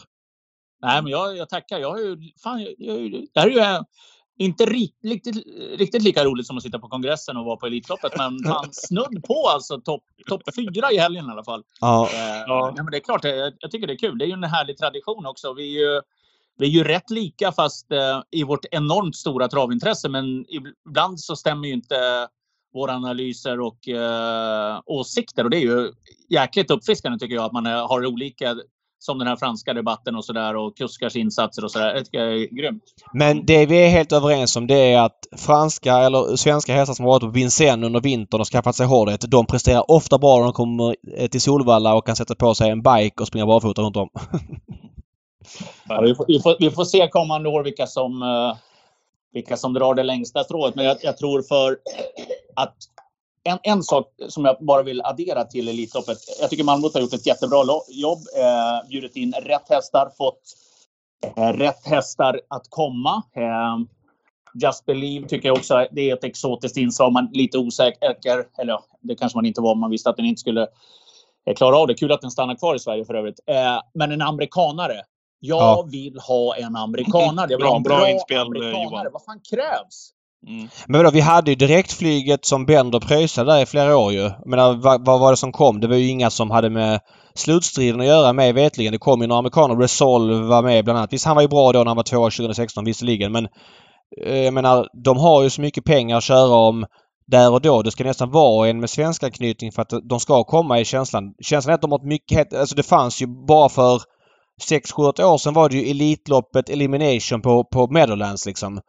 Men ändå så kom de är ju för trötta och det finns inte så mycket att välja på. Det är min känsla. Uh... Men, men, men nu är ju då prissumman 5 eh, miljoner. Det är ju också en, en, en, en bra sudd även för amerikanska travare. Jag fattar ju att det är bökigt och sådär, men det är ju ingen, du behöver inte stå i karantän när du kommer hit i alla fall. Och kan man fixa en flyg, då vet jag inte om man måste stå i karantän när man kommer tillbaka till USA eller hur det funkar. Det har jag ingen aning om. Men Eh, Åke kanske har någon äldre, för de äldre fortsätter ju att tävla, eller de fortsätter att tävla mer frekvent i min uppfattning då, utan att jag blir koll på amerikansk travsport. Lite mer än vad de gjorde förr om åren. Då drog treåringarna i stort sett efter Hamiltonen ganska många iväg till mm. aveln. Mm. Ja, men så är men det. Det, är väl, det är väl nästa nivå man vill ha. Man vill ha en bra ja. amerikanare. Man vill ha någon Wow, det, kolla de här tiderna han har gått på Meadowlands och kolla vad han har gått där på Pocono Downs. Kolla vad han har gått på mm. The Red Mile wow, kommer han hit? Av 15 segrar och 16 möjliga. Det här är en kanon. Nej, jag håller helt med. Men det fanns väl ingen given. Känner ni någon amerikan ni känner att ni vill ha med i år som, som fast det skulle vara cool pappa Bell kanske men, men det är ju inte så att man liksom baxnar. Nej, men... Nej, jag, jag, jag, du har rätt. Du har rätt. Du har rätt. Jag håller med dig i sak. Eh, en sista grej bara. Jag kommer inte fråga vad ni ska göra i sommar utan jag kommer fråga vem tror ni är favorit nästa års Elitlopp just nu på sajterna? Vad sa du för någonting David? Jag, träff, jag träffade för övrigt eh, personen som låg bakom det eh, numera bevingade uttrycket i eh, söndags. Hanske, var han nöjd då? Ja, han var på ett... Eh, Strålande humör. ja, det kan man lugnt säga. Han var konferencier på den avdelning där jag höll till där på söndagen och han var eh, På, Precis på ett, som på ett av vanligt. många ställen. Ja. just fyllda 75 Ja. år gammal. Ja, han är överlägsen. Eh, Jag ska säga det att det är Francesco Zet som är favorit just nu till fem gånger. Försa Motör till sex gånger, Hönek nio gånger och Horsey Dream tio gånger. Så ser det ut med ett år kvar. Två svenskar i topp alltså än så länge värderingsmässigt. Ska vi, ska vi säga det också för de som inte förstår. Eh, in, det blir internt när, när Hans G. Lindskog då frågar Bernt Lindstedt när det är 100 meter kvar. Nej, bilen börjar rulla är det 2003. Ja, okej. Ja. Eh, Ställer frågan precis när publiken börjar klappa igång bakom bilen och ställer den öppna frågan till Bernt Lindstedt. En sista fråga Bernt. Vad gör du i sommar? Och, ja, det är världsklass. Ja. Och det Elitloppet som är ett av de mest minnesvärda som From Above vinner då. Exakt så. Ja. Exakt Ja. så. Men han kom på sig själv och tog hem bollen och passade upp till Johan som skulle släppa loppet med Thomas. Det ska sägas. Ja, Eh, helt rätt. Ja, men än en gång tack Johan. ja Eh, tack, tack. David, vi kör nästa vecka igen. Jag vill också bara säga det att det var kul att höra publiken på, på Solvalla. Jag njöt ju, jag vill ta med dig i, i vår egen travpodden här, när jag fick se mini-elitloppet och hela el- elitläktaren. Fick stå och applådera Månstorps Quattro eh, och Amelie Martensen som vann eh, mot fjolårsvinnaren Euphoria. Eh, och även under söndagen, Tyra Tyrans lilla Elitlopp kategori B, Russen. Duell mellan Smedens Andiamo och Pros Maserati. Ja, kul att ponnykuskarna också får eh, applåder ifrån publiken. 13.00 är vi tillbaka på Twitchen på lördag. Då blir det v genomgång V75 Sundbyholm med jackpot. Vi kommer vara taggade då. Och kanske, kanske så Johan dyker upp eh, inom kort igen i podden, vem vet? Nej, vem vet? Ja, Nej. vi får Det är se. bara ni som vet, inte Ja. jag. Nej, så är det. Tack så jättemycket. Tack alla ni som Tack har lyssnat. Det blev lite längre än vanligt. Vi hörs framöver igen. Ha det så gott. Hej, hej, hej.